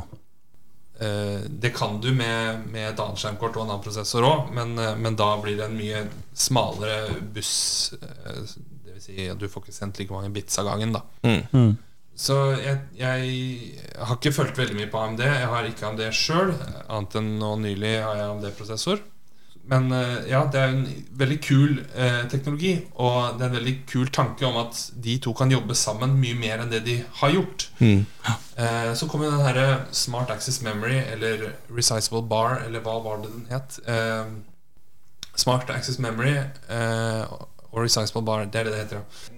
ja og det, det her er jo da teknologier som gjør at uh, de, de uh, At du kan overføre data uh, ja, som sagt mye raskere mellom CPU-en sin, sin RAM og, og GPU-en sin eh, VRAM. Mm. Ja. Altså, jeg, det, jeg tenker jo at eh, her blir det jo særlig spennende å se hva Intel kommer til å gjøre med sine senere generasjoner, er jo min tanke her. Fordi at, mm. Som du jo blant annet var inne på, ikke sant? Altså at dette som de jo kommer nå, dette er førstegenerasjonskortet sitt, og da er det fortsatt en læringskurve for dem, men mm, ja, altså som, samtidig, jeg synes jo det er bare spennende at nå for, for første gang på lenge så har vi flere aktører på det markedet enn det vi har hatt på en god stund. Eh, og bare det i seg selv gjør det jo litt sånn interessant med tanke på utviklinga videre. Både med tanke på hva man, hva man får rent kraftmessig, men òg da ikke minst prismessig. Eh, når da særlig Nvidia virker til å på en måte ha kjørt seg litt fast, kanskje i et eh, ja, ikke kjørt seg fast, men at de har i fall lagt seg inn på et sånt spor Men som de sier, Moores lov er død, og så er det bare litt sånn Ja, er, nå er det nå egentlig det, liksom. Så. Eh, hvis noen lyttere nå sitter og har drømt veldig lenge om å bygge sin egen PC Kanskje, altså Konfirmasjonstida nærmer seg jo i det ganske land, i fall, ikke i det ganske land, men iallfall i halvparten av landet, så der de har konfirmasjoner på våren. Uh, og tenker at å, de skal bygge seg en, sin første PC for de pengene, hvis de får nok penger. Hva tips vil du gi dem for å komme i gang med hele denne byggefasen? Ja, eh, som jeg sa, eh, sett et budsjett, men ikke bruk hele budsjettet. Mm. Eh, og eh, prøv å lære på forhånd. Ikke lær mens du holder på. Mm. Eller lær mens du holder på, men lær også på forhånd. Eh, YouTube er full av guider. Eh, for eksempel Linus Tech Tips på YouTube. Han er veldig dyktig. Han har jo bygd hele kanalen sin rundt det med gaming-PC-er og sånt. Eh, han har stadig vekk så, så legger han ut nye sånn How to build your new computer-filmer. Eh, vil du ha anbefalinger av komponenter også, eller? Ja, ja, ja, kjør på. Altså, hva, hvor er på en måte Hvor får man mye valuta for pengene? Ja, nå, liksom? det, det er, så jeg skrev jo i discorden også, men eh, for de som ikke er der, så, så tenker jeg at metaen, altså liksom the, the way to go, er Intel 13600K. Eh, da får du en eh, prosessor som gir mye gamingytelse for penga, som du kan overklokke hvis du har lyst til å prøve deg på det på et eller annet tidspunkt. Og du kan godt prøve deg Altså På, på skjermkort så tror jeg de er prisa sånn at du får det du betaler for. Hvis du betaler veldig mye penger, så får du veldig mye frames. Eh, og hvis du betaler sånn middels mye penger, så får du også egentlig ganske godt med frames per sekund. Eh, men det kommer litt an på skal du kjøre 4K, skal du kjøre 1080P, uh, hva stor skjerm du har. da ikke sant? Hvor mye ytelse er det du trenger. Eh, Nvidia er jo markedslederen eh, med 4080 og 4090-korta sine akkurat nå. Mm. Eh, men AMD er hakk i hæl. Mm. Så det Ja, så hvis du har et ubegrensa budsjett, så ville jeg vel kanskje anbefalt Intel 13900K. Det er den den topprosessoren deres for tida. Eh, veldig bra prosessor, Mm. er eh, inntrykket. Og de har jo vært veldig stabile eh, i, i mange år også på prosessorene sine. Eh, noe av det jeg har slitt med. Jeg kjøpte jo en, en AMD-prosessor uh, i dems nyeste serie i høst. Og, og jeg har slitt litt med at den er noe ustabil i forhold til RAM-kompatibilitet. Uh, for den rammen jeg kjøpte først, den, uh, den kunne jeg kjøre på liksom lav hastighet. Men hvis jeg satte den opp til den hastigheten den var bygd for, nei, da ville ikke prosessoren være med. Da fikk jeg blå skjerm og, og alt mulig. Mm. Så kjøpte jeg en ny RAM-kit eh, som, som var liksom produsert for den prosessoren, og hadde den her Expo-profilen, eh, som, som det kalles, som er overklokkningsprofilen for den. Eh, og kjører den, og den er ganske stabil. Har hatt et par hiccups men den er ganske stabil. Ja. Eh, Intel er visstnok eh, helt dønn stabile på, på de XMP-overklokkingsprofilene de har. Spennende. Eh, en ting som jo jeg eh, lurte på litt sånn avslutningsvis i forhold til det med tips og mm, en, ting som man bør tenke på, litt sånne ting, er jo det at eh, disse nye grafikkortene, da, til særlig Nvidia, mm. at det er jo noe med at de trekker jo veldig mye strøm, Ja. og at dette har jo litt påvirkning på hva strømforsyning du har i PC-en. Er det Ja. jo noe som man bør ha med i tankene her? Ja, det er det jo hvis du skal ha eh, 4080 eller 4090 eller 3080 eller 3090, så, så bør du jo ha mer enn eh, 800 watt i strømforsyninga di. Eh, og for de av dere, hvis fedre blir veldig bekymra for at de skal kjøre en 800 watt datamaskin eh, hele døgnet, eh, så drar den ikke så mye hele tida. Men det, det handler om det å ha muligheten i visse peak-tidspunkter. Mm. Så 4090, der er det vel Den må vel ha dedikert 600 watt. Eh, I tillegg til at hovedkortet skal ha 150 watt, og CPU-en skal ha 300 watt. Og, så det er liksom å regne sammen alle de bitene, hvor mye watt de skal ha, og så kommer du til et tall, og så skal du prøver du å kjøpe en, eh, en power supply som, som har litt mer enn det igjen også, for du, du vil ha litt overhead. Står ikke ofte når du kjøper grafikkortet hvor mye du skal ha, og da er det beregna ut allerede med tanke på hovedkort og prosessor og på Ja. Ja. Mm. ja, de har jo kommet med det, for det, det var mange som gikk på den blemma i Ja, det skjønner jeg jo. 30-serien, som, som var liksom den første av de som virkelig gassa på med Mm. strømforbruket. Ja.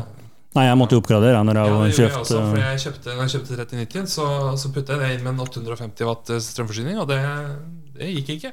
Nei. Plutselig gikk det i svart. Mm. så, så ja, jeg kjøpte 1200 watt. Ja. mm. Nei, for jeg så Det sto jo, når jeg kjøpte eh, min 30 3080, Mm. eh, at strømme, Da måtte jeg opp på strømfors strømforsyninga. Så da, da hadde de jo fått inn den, i hvert fall. Mm. Så, det er jo veldig greit nå. Mm. Det er greit å tenke på, det Mm. òg. Peter, har du noen flere ting som uh, du tenker at uh, det kan være lurt å spørre om, eller som du sitter og grubler på sjøl? Jeg bare tenker sånn, for den, Hvis du ikke har folk som ikke helt vet hva ting er overklokking, uh, var det det du kalte det? Ja. Eh, vil du fortelle eh, forsamlinga Ja, hva, det er? Eh, altså en, en prosessor kjører jo med en viss hastighet, eller en makshastighet, eh, som eh, produsenten sier at dette er den stabil på. Da gjør den ikke noe feil. Samme som en arbeider som står langs, langs et samlebånd. Han kan jobbe så og så fort uten å gjøre feil. Mm. Det vet vi. Det er vi trygge på. Og så kan vi be arbeideren om å jobbe fortere. Og vi kan skru opp hastigheten på samlebåndet, og så ser vi hva arbeideren gjør. Begynner han å, å gjøre alt riktig fortsatt, eller, eller begynner han liksom putte ting i feil esker, og putte to ting i én eske og, og ingenting i neste eske? Og Mm, liksom. mm, Det er omtrent det samme at vi, vi skrur opp hastigheten på klokka, på, på prosessoren. Mm. Så ser vi om prosessoren greier å håndtere det. Og Hvis den greier å håndtere det, da kan det du få litt mer frames i, i, i spillet litt. Eller ja. Eh, Sånn. Mm. Så det er mange ting du kan klokke opp. da Så det Rammen er jo gjerne det man klokker opp på en prosessor først. Fordi rammen er veldig ofte bygd til å kjøre mer enn den standardhastigheten. Mm. Eh, men du kan også klokke opp CPU-en eller skru av eh, type sånn power limits og sånn, eh, som, som finnes i prosessoren som standard. Eh, for å se om den yter bedre. Mm. Dette her følte jeg var liksom forklaringsmodellen. Forklar overklokking sånn at en LO-ansatt, eh, LO-fagperson forstår det. Samlebånd, arbeider uh, Arbeidsrettigheter. Mm, jobb for alle. Fem dagers uke. Ja. Åttetimersdagen. Ja, ja, Yeah. Dette var, så, så, så hvis eh, godeste Jonas sitter og hører på Crossover Gaming, så har han fått det veldig godt forklart da hvordan, ja. hvordan overklokking fungerer. Bare husk, skru, husk å skru av PC-en 1. mai. Ja. veldig, veldig viktig. Da skal vi gå i tog. Ja. Det vi derimot skal ta og gjøre, det er ikke å gå i tog, men vi skal gå inn imot en liten pause. Hvis det ikke var eventuelt flere ting som du satt og tenkte på. Nei, tydeligvis ikke.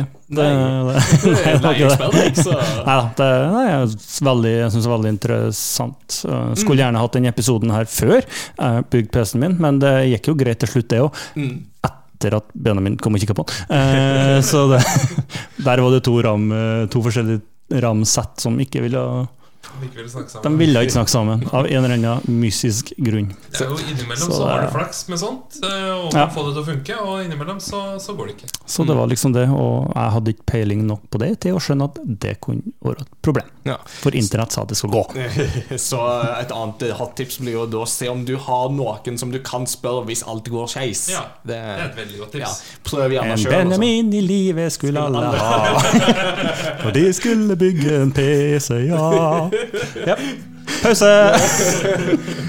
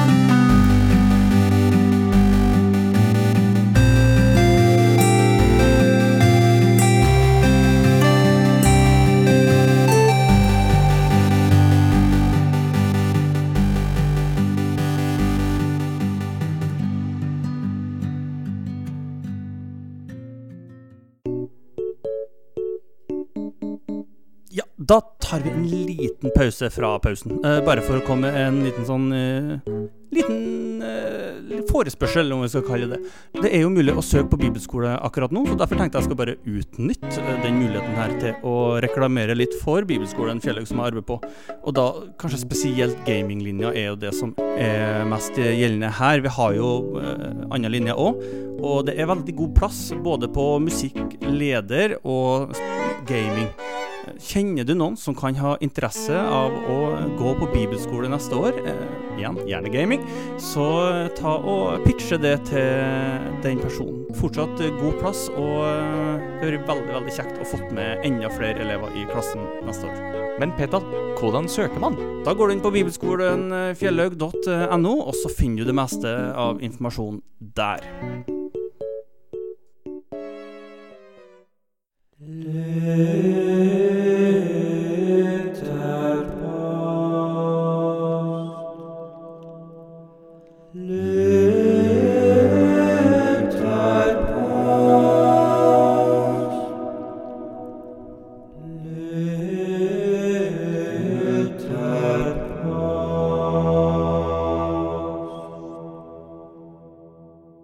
Det er på tide å høre hva lytterne våre svarer på spørsmål som vi stiller dem. Denne gangen så har vi jo da stilt dem et eh, litt sånn PC-relatert spørsmål. Det er på tide å ta den store diskusjonen. Nei, det er ikke Mac versus PC vi skal ta, men den er closely related. Det er hva plattform foretrekker du å spille på? PC eller konsoll? Eh, da er det jo eh, ulike leire og ulike oppfatninger om dette eh, på Facebook-sida vår. For de som da ikke har gjort dette her før, lytterpostene de kan du svare på på våre sosiale kanaler, som jo da er primært Facebook eller Discord. Lenker finner du på crossovergaming.no. På Facebook-sida vår så har Inge Andreas Jacobsen, som jo har vært gjest hos oss en gang, han skriver Con Sole, men også Con Amigos. Så han går for denne varianten. Ja. Øy, Spanjol! ¿Dónde está la biblioteca? Sí, sí. Så både med sol og med venner, rett og slett. Peter, eh, har du funnet noen?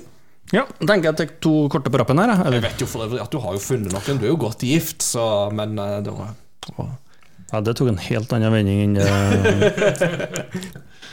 Så det Men jo da, jeg er godt gift, så da går jeg. Exilia skriver mange gode poenger her. Jeg tenker at for meg så handler det nok mer om hva jeg selv føler for der og da. Jeg synes det er mer avslappende å ligge på sofaen enn å sitte i en stol. Så vil jeg slappe av ordentlig, så blir det nok konsoller over PC. Har jeg overskudd, er det nok heller PC. Ja. Videre så skriver jo Scorpus eh, aller helst konsoll er jo både PlayStation og Nintendo-fan, men altså en sjelden gang går det an å trekke fram PC-en og spille litt. Ja. Interessant eh, problemstilling der, med at det kan gå for å komme liksom litt an på overskudd og humør og mm, Eller ikke humør, men altså Mm. Men der, er jeg, der kan jeg være litt lik. Interessant. Mm, Benjamin? Ja, jeg tenkte jeg skulle trekke fram de som jeg syns passa best til det jeg mener. Eh, for eksempel, da. Så, Eh, velkommen til podkasten Confirmation Bias. Ja. Nei, men når vi er tre her som sitter og har alle hver våre meninger, så må det være innafor. Ja, ja, ja, det er jo det det blir god samtale av. Eirik eh, sier eh, han har både PC og Xbox kobla til samme TV-en, og det kommer helt an på spillet. RT, City Building eller andre managementspill, helt klart PC. Er det historiedrevet spill som Witcher eller Hogwarts Legacy, konsoll. Mm. Det er deilig å spille på konsoll eh, når spillet er optimalisert for med kontroller i hånda som hele spillet er planlagt rundt. Det er et godt poeng. Mm. Ja. Og Nikolai sier eh, at han foretrekker PC til de fleste spill, men noen typer spill kan bare spilles på konsoll, og er best på konsoll. Q, Nintendo med Mario, Zelda osv., og, så videre, og spill som krever kontroller, sånn som Jedi Fallen Order og Red Dead Redemption 2. Eh, på de er konsoll et must. Spill som er PC only eh, for Nikolai, er eh, Civilization, Paradox sine spill og lignende. Mm. Ja, og dette er jo også et veldig interessant uh, prinsipp, nemlig det med at visse sjangere fungerer best på visse plattformer. Og der er jo, som du er inne på, ikke sant, altså RTS og City Building og den type managementspill, jeg er jo veldig enig i at det, det skal veldig mye til for å få de tingene der til å fungere på konsoll. Og det er jo grunnen til at jeg er så ekstremt positiv til Pikmin-spillene på Nintendo. For de er jo basically RTS-spill. Det er bare at de fungerer på konsoll. De fungerer kjempebra på konsoll. Og det var jo Særlig Pikmin 3 fungerte Altså Det var et spill som virkelig skinte på Wii U, fordi at der hadde du Gamepaden kunne brukes så bra til å få den RTS-flyten som du normalt forbinder med PC. Så det var en sånn positiv overraskelse for meg den gangen jeg spilte det. Uh, og det blir veldig spennende å se om Pikmin 4 klarer å videreføre det når det kommer i juli. Vi hadde, Syns du ikke Age of Empires 2 på PlayStation 2 var bra? For det er jo det jeg skulle si. Vi, ja, vi hadde eh, Age of Empires 2 på PlayStation 2. Ja, jeg, Det var grusomt. Ja, det- det- Det funka så eksepsjonelt dårlig. Og veldig interessant at vi googla samme ting samtidig. Jeg bare satt og googla, så snudde jeg meg og så på mobilen. Og bare sånn, ja, der har du googla. Akkurat det samme som jeg hadde. for helt ærlig, jeg hadde glemt at Age of Empires kom på PlayStation 2. Mhm, Nei, jeg måtte jeg bare sånn Hva, var, hadde ikke jeg øye på PlayStation 2? Jeg spilte jo nesten ikke Det på er for en det. eh, streamer på Twitch som heter eh, Dave underscore AOE. Han spiller Age of Empires på PC med kontroller. Og han er ganske god med det òg. Så han er jo definitivt den beste i verden med kontroller på Age of Empires 2. Men det, Det, det skal ikke nei, det skal ikke så mye han er ganske dreven. Eh, han, han caster jo ofte en del sånn eh, tournaments og sånn. Eh, Mm. Og ja, han har god peiling. Mm. Spennende. Er ikke et av verdens beste Age of Empires-spillere norsk? Men hva var det. Det er. The Viper. Mm, Ja. Har vunnet en rekke med VM. Mm. Kult. Eller VM i hermetegn. Jeg vet ikke om det kalles det, men, men, eh, men eh, ja, konkurranse i hvert fall. Mm, store turneringer, iallfall. Ja. Nå er det bare Christian Kumles opp igjen. Vil du ha ta han? Ja, jeg tenkte jeg skulle ta den. Jeg bare tenkte jo også å slenge inn eh, Altså Halo Wars har jo vært spill som også har kommet Ja. på RTS på konsoll, og til en viss grad klart det, i alle fall. Så, men de har jeg ikke så god førstehåndserfaring med. Så, men jeg vet at eh, Men det er jo i alle fall spill der de har prøvd, og iallfall langt på vei fått det til, så langt jeg har skjønt det. Så. Mm. Eh, Kristian Kumlesopp også skriver kommer an på spillet. Er det noe som er mer naturlig å styre med mus, som Slade Sparrow, Civilization eller Portal, så er PC tingen. Ellers foretrekker jeg Switchen, kanskje mest pga. hvor fleksibel den er, med tanke på hvor og hvordan det kan spilles. Beklager laptop, du får ikke bli med på do. Så, Nei, det er mm. Men altså, jeg er jo enig i Altså, den, den røde tråden her Mm. er jo at eh, altså, konsoll, PC har ha, har litt med form og litt med humør og hvilken type spill du skal spille. Ja, ja, ja. Det er, jo, det er jo det vi ser over hele, og det viser jo litt hvilken type folk som hører på. Mm, Eh? Det er folk som tydeligvis har råd til mange konsoller og eller, mye forskjellige spill på, og liker det og glad i gaming. Mm. Da, Da- og er enig. Ja, det hadde vært mer interessant da kanskje å stille spørsmålet med Du får bare velge én plattform resten av livet. Altså, du, du har bare råd til én plattform, la oss si det sånn. Da. For, det, for det er jo en reell problemstilling. ikke sant? At uh, vi, vi sitter jo i relativt privilegerte posisjoner, alle tre her, med at vi har jo flere plattformer å spille på, men alle har ikke den luksusen. Eh, og da må de jo velge, og da er det jo spørsmål hva de foretrekker. Kona arbeider utenfor NLM, så da har jeg råd til Nei, ofte, ja. angre, angre. It's funny because it's true. men, eh, men, men en sjanger som jo for meg har uh, skifta i løpet av min, altså livet der, sånn sett, det er jo FPS-sjangeren.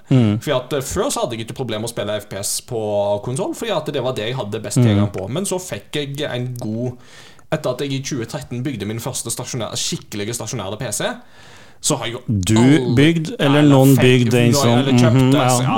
ja, fikk, fikk bygga, la oss si det sånn. Ja. Ødelagt spiker, hammer, vegg. Ja, mhm. nemlig. nemlig. Ja, så det at du følger med. Du yeah. følger med Jeg kicker inn likevel. Jeg. Nei, men eh, etter at jeg i 2013 da fikk mer en eh, skikkelig desktop, som jo da var bygd for gaming-spesifikasjoner, og ikke bare kjøpt på et brukt marked fra eh, mammas tidligere arbeidsplass eller noe sånt. Det var det som var poenget mitt.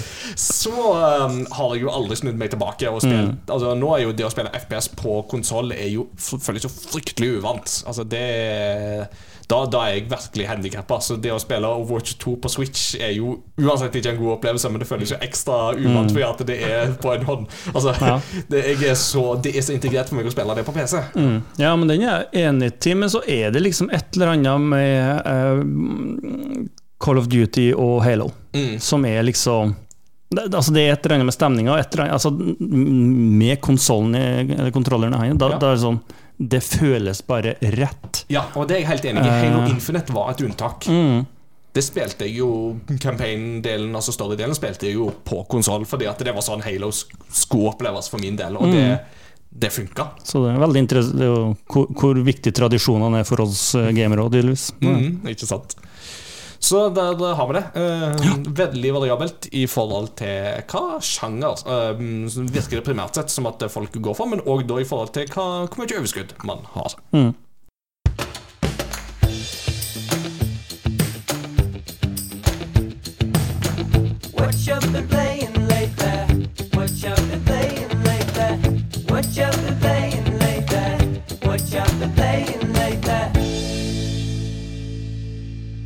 Da er det på tide å ta en uh, sit-rep på hva vi har spilt i det siste. Og da er det jo ett spill som har gått igjen hos alle tre. Og da tenker jeg at det er jo kjekt å la gjesten få lov å begynne å snakke om hva vi har spilt. Og da har jeg jo på en måte lagt litt sånn lista for hvor du må begynne på den.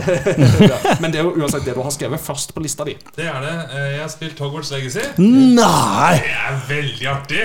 Ja! Ja, jeg har kost meg i mange timer med det. Eh, Ja, la oss ta litt av Hogwarts-praten nå. Relativt spoilerfritt, of course. Peter er jo um, i den interessante posisjonen at han er jo ikke ferdig med historien, men uh, Ja, fortsatt så- level 35, så Men jeg, jeg vet at Voldemort dør, det går bra. Det, Her er han med! Men ja, uh, Hogwarts Legacy, du har kost deg. Ja, jeg har kost meg veldig med det. Uh, som eh, mange andre har opplevd også, så er det, så er det kanskje ikke hovedquestet som er det mest Det som fanger deg mest, men, men de har greid å i dette spillet fange Harry Potter-stemninga veldig. Ja. De har greid å få med liksom Du har Hogwarts, og, eller Galtvort, og du har hele området rundt med Galtvang, og Hogsmeade på engelsk. For øvrig en veldig god norsk oversettelse. Ja, ja, ja. Torstein Bygge Høverstad. altså, han gjorde en fenomenal jobb, syns jeg. Det, Eh, Så, og, og hele området rundt med, med flere småbygder og, og sånne steder som du kan besøke og utforske, og huler og puzzles og ja.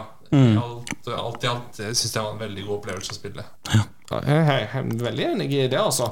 Eh, bare sånn, Din, din Harry Potter-historie kort, altså, det er det primært filmene det har vært, eller har det vært bøkene òg, eller hvordan har det vært? Ja, vi jeg lurer på om vi leste Om læreren leste den første boka for oss når den kom ut. Ja, Eh, type- så du læreren? Læreren leste, ja. Eh, I eh, type friminutt. Mamma var en sånn lærer på barneskolen, så det fins de, De de, de, altså. De, de gjør det. snadder. Eh, annet enn det så har det vært filmene og, og Lego-spillene, faktisk. Ja, ja, ja. Oh, ja. Men, men er det noen av disse gamle eh, Harry Potter-spillene utenom? De som var knytta til filmene? Er det noen av de du har ikke Nei, de har jeg ikke noe forhold til. Nei. Eh, Eh, Hva med deg, Peter? Har du spilt noen av eh, Altså Mysteriekammeret er jo et sånt som ofte trekkes fram. eh, For det, er- det er sko... Altså, for jo eh, Harry Po- eh, Første Nei Første Harry Potter-filmen Ja, eh, De Ja, De vise stein. Det spillet drev jeg og spilte, husker jeg på, til søskenbarnet mitt. Da var jeg ung og egentlig ganske sånn uerfaren både i Harry Potter-universet, men òg litt sånn eh, eh, ja, som gamer og sånt, og var ikke den modigste kiden i gata, akkurat. Så jeg husker på at jeg syntes det var kjempeartig. Og så var det en sånn scene i, i Eller, ja i, eh, i spillet, da, hvor du sprenger ned en sånn lang sånn spiraltrapp, og så hører du bare det trollet puste og sånn bak døra. Jeg torde jo ikke gå gjennom. For da var jeg alene. Jeg syntes det var så skummelt. Og jeg sto utafor døra her, og jeg gikk fram og tilbake, og det tok kjempelang tid. Jeg Ok. Og så trekker jeg meg litt lenger unna TV-en. Så gikk vi liksom inn gjennom der. Og så skal de jo sprenge nedover den gangen, og så må du uh, Wingardium Leviosa uh, flytte unna de forskjellige møbler, sånn så trollet ikke går inn i. For trollet det går i søvne. Åh, det, og, og, og, og, så og når han og- men det gikk jo som det gikk, da han våkna jo, det beste der, og du fytti katta, jeg daua jeg, og det gjorde Harry. Så det, men jo da, så det Ja, så Eh, ja. For, For, for at er altså en, en ting som jo Jeg tror i alle fall eh, Et inntrykk som jeg får, eh, som jeg tror vi er enige om, er jo det at jeg føler at stemninga av å være til stede på skolen er veldig godt gjenskapt. ja, Ja, i dette her. Altså den, Hele den følelsen av Altså den drømmen om å gå rundt og være en elev på Galtvort slash Hogwarts er, føles veldig godt realisert. Sånn sett at uh, en del av den hva skal jeg si da, audiovisuelle stemninga som vi kjenner primært da kanskje fra filmene, der den jo har blitt kanalisert tidligere, er veldig godt ivaretatt. Eh, men eh, mm, ja, altså er det noen liksom sånne her um, andre opplevelser? Altså Du, Peter, har jo primært konsentrert deg om å ikke gjøre hovedhistorien. Eh, Så det er jo litt interessant. Skjønner ikke hva du mener. ja, for, altså for dere som lurer, altså jeg da i, um, Fikk en sumpelime. Og da takker jeg farvel til skolen, egentlig. Eh, sånn så, Ish.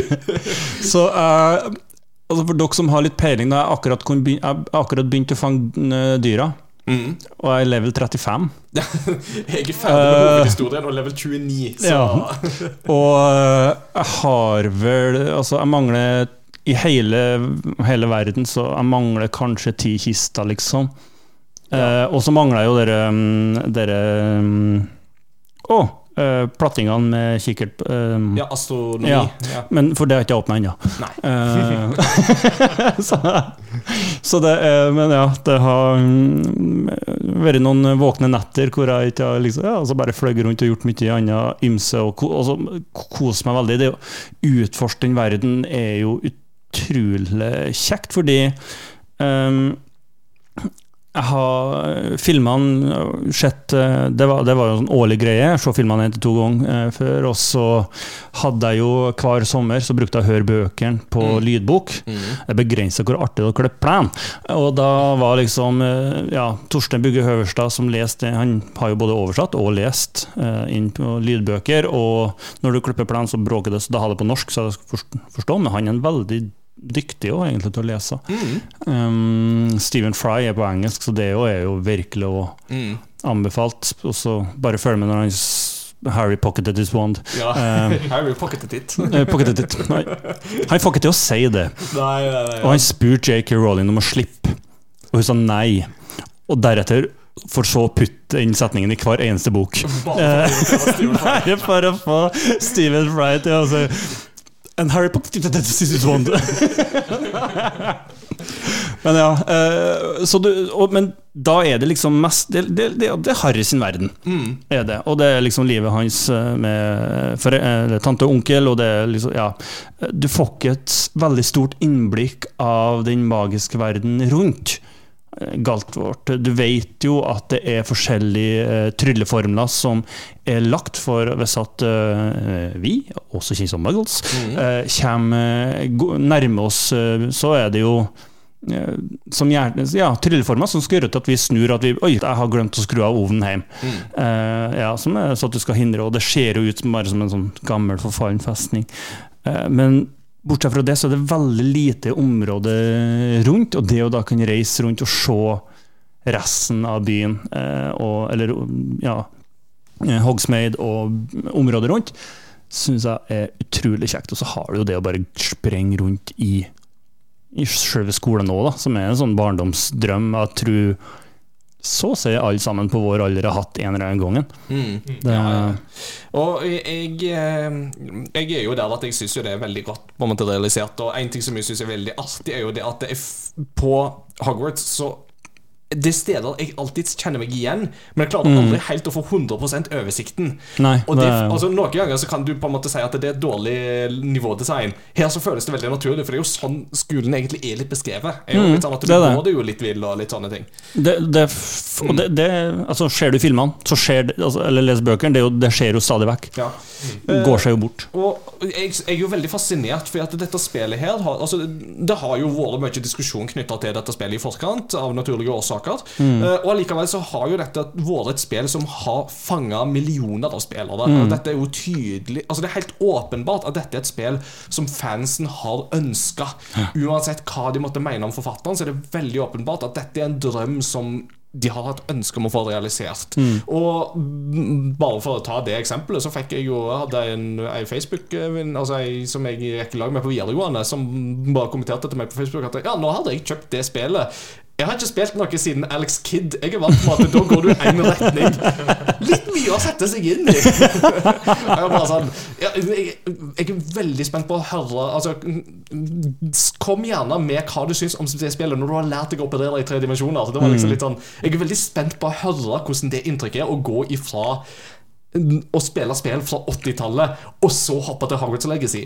For eh, Det er et sprang, ja, for det er et veldig stort sprang. For en ting som jo jeg biter meg litt merke i når jeg har spilt dette spillet her, er jo det at eh, ja, det er veldig mange av de der eh, tingene som er godt realiserte, og det er ingen tvil om at her er det mye å hente for fansen. Samtidig som at du merker også at dette er første gangen dette studio prøver seg på et Mm. Ja. spill av den typen her. Det har jeg og at det er, altså, dette er ikke spillet som pusher åpen verdensspill i nye retninger. Og, altså, her, og der snakker vi om en sjanger der det har skjedd fryktelig mye de siste Mm. årene. Red Dead Redemption 2, uh, Horizon Forbidden West, Mm. God of War og Ragnarok. Altså, De spillene har jo pusha både formel, men òg liksom grafikken på disse områdene her. Mm. Og er særlig sånn som Ansiktsanimasjonene i dette spillet her var jo til å begynne med så ble jeg veldig sånn Oi, dette føltes litt som Mass Effect Andromeda I'm sorry, my face is tired-nivå. Mm, ja. Og så merker jeg at ok, det var ikke så dramatisk ille, liksom. Men man har på en måte blitt for de av oss som spiller mye, da, så har vi kanskje blitt litt vant til på en måte litt eh, at Noen grenser som blir pusha. Det blir det jo for så vidt ikke her, men allikevel så er det en god på en måte grunnpakke som ligger til grunn, som jo da veldig mange fans som kanskje ikke bruker like mye tid på gaming som det jeg gjør, da, vil, vil definitivt kose seg med. Nei, jeg tenker jo at Altså, jeg syns spillet er så kjekt. Fordi det er et univers jeg har vokst opp med, og som jeg alltid hatt lyst til å reise til. Hadde det vært et, eh, et nytt univers som jeg aldri har hørt om før, og så har jeg spilt spillet for første gang, da hadde det nok eh, vært litt mer sånn Ja, det her var kjekt. Men ja, jeg vet ikke. Jeg hadde nok ikke brukt så mye tid på å reise rundt og fange ballonger. Nei. Og det, og, det og, det, og det, altså, hviler jo veldig mye på et godt grunnlag som allerede er laga, men det er jo ikke noe galt i det. Altså, Nei, jo, nei, nei, nei. Altså, Star, alle Star Wars-spill gjør jo det, liksom. Ikke sant? Så det tenker jeg at der er det jo bare hva man bruker materialet til. En ting som jeg jo kanskje syns er litt sånn eh, Som jeg ikke helt har landa på hva jeg føler, det er jo det at eh, du kan jo gå rundt i dette spillet og egentlig gjøre veldig mye som du vil, uten at noe som helst reagerer på det. Altså du, du kan jo faktisk um, Mild spoilers, du kan jo lære deg unforgivables i dette spillet. Og du kan jo bruke det ganske fritt, uten at folk si, og li, Likevel så kan liksom lærerne bare sånn her 'Å, du er så flink student, og ja, nå skal du lære deg en ny formel.' Og, ja, ja, så det blir jo litt sånn. Uh, så så det, er en, det er en litt sånn dissonans her. og Jeg savner jo kanskje på en måte Det er jo litt interessant Altså Trenger et spill som dette her et moralsystem, eh, eller ikke? Eh, nå har man jo i veldig stor grad gått vekk fra moralsystem i veldig mange spill. Men dette er jo et spill som kanskje kunne hatt en fordel av å ha det. Jeg vet ikke. Hva tenker du, Benjamin, om det? Ja, for, for jeg spilte Jeg lærte meg de to første Unforgivables eh, Og prøvde på sett og vis å bruke de kun mot eh, ordentlige fiender. Eh, du har jo noen kamper som, som klart Det er veldig gøy å bare cheese motstanderen, men det er ikke nødvendigvis en fiende du slåss mot, så kanskje ikke eh, det passer helt med storyen og settinga du er i, at du skal skrike ut 'Crucial' liksom, for å for å ta de. Um, så Nei, moralsystem hadde jo kanskje vært interessant at du liksom måtte ha en så eller så høy eh, snillhetsscore for å komme til den endinga, eller noe i sånt. Eh, Mm. akkurat nå så er det vel bare valg det kommer eh, faller ned på, eh, hvor du ender opp. Mm. Det har ja. Er er det flere endings? I, Nei. nei, for det er jo, det er jo ikke det. Jeg kan ikke komme på å høre det, og da og jeg har hørt at det er en bad ending, uten at det var den jeg valgte. Nei, altså du har den Du har, den, du, du har på en måte en midlertidig Altså Du kan komme til et avslutningspunkt, og så kan du komme til en sånn true ending med rulletekst senere. Men uh, jeg tror du får tilgang på begge deler uansett, altså. Ok mm. Så um, det, de, uansett, altså, de valgene du tar, får ikke ekstreme konsekvenser for historien. Ja, for det, det tror jeg de har at, altså, Spesielt i en verden hvor alle sammen er veldig kjent med hva de tre trylleformene betyr. Og, og, og konsekvensen av å bruke dem. Nå vet vi ikke helt hvordan reglene var på 1800-tallet, uh, men jeg vil anta at de var relativt ulovlige på den tida der òg. Ja. tortur er liksom ikke greit på, uh, da heller, tror jeg. Og jeg tror de hadde tjent med at det hadde altså, ha, Hvis du hadde lært dem, så skulle det hatt større konsekvenser. Eh, ja, det, var, det var jo noen som snakka om det, men jeg har liksom ikke hørt noe om Eller at det skulle bli det. Eh, men så har jeg ikke hørt noe om det etterpå.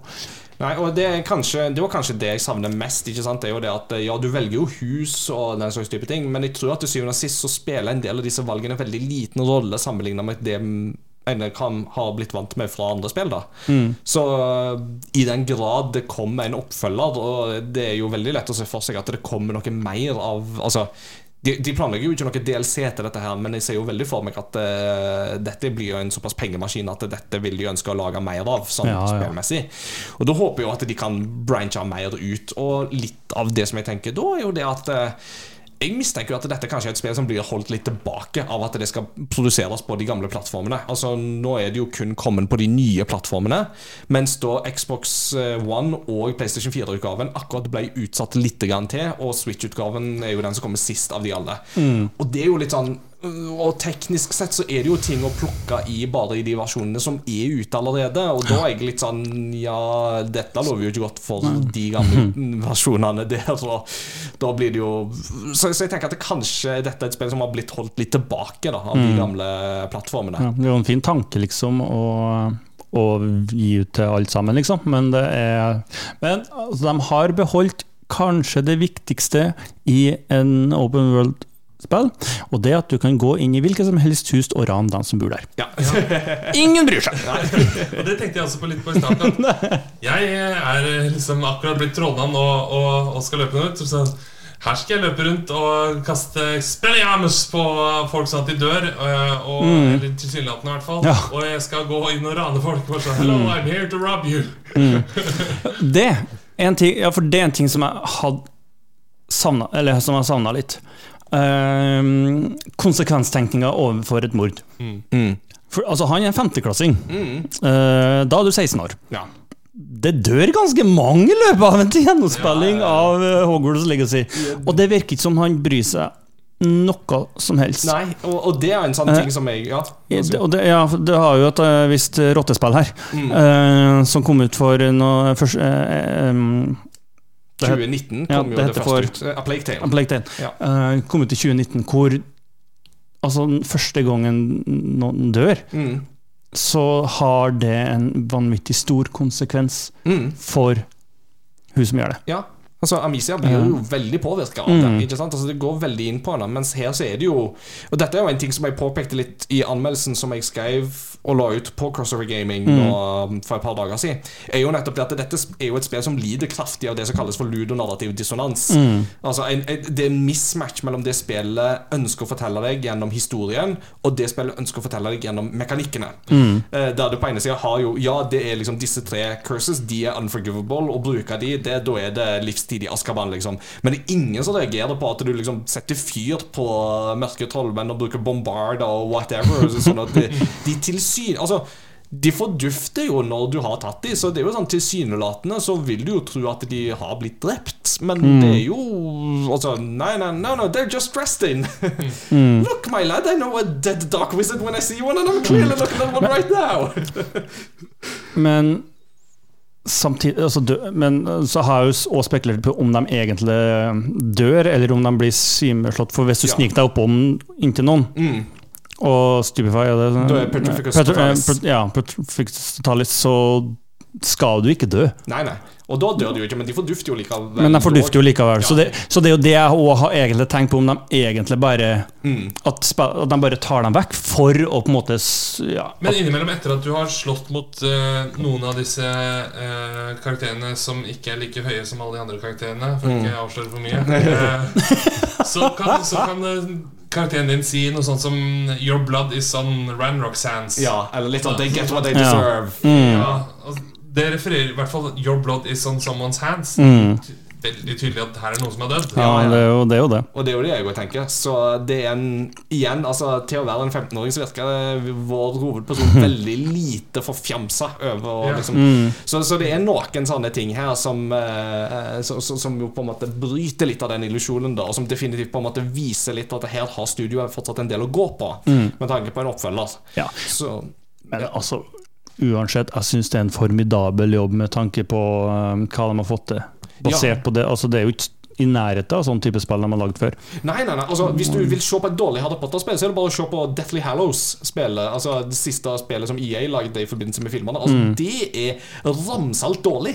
Det er så formidabelt dårlig at det er, det er rett og slett grusomt. Ja, For det, det var jo spillet som var veldig prega av at å, vi må rekke en premieredato for filmen. Mm, ja. Her har de jo både utsatt og fått mer tid og diverse, så det Ja.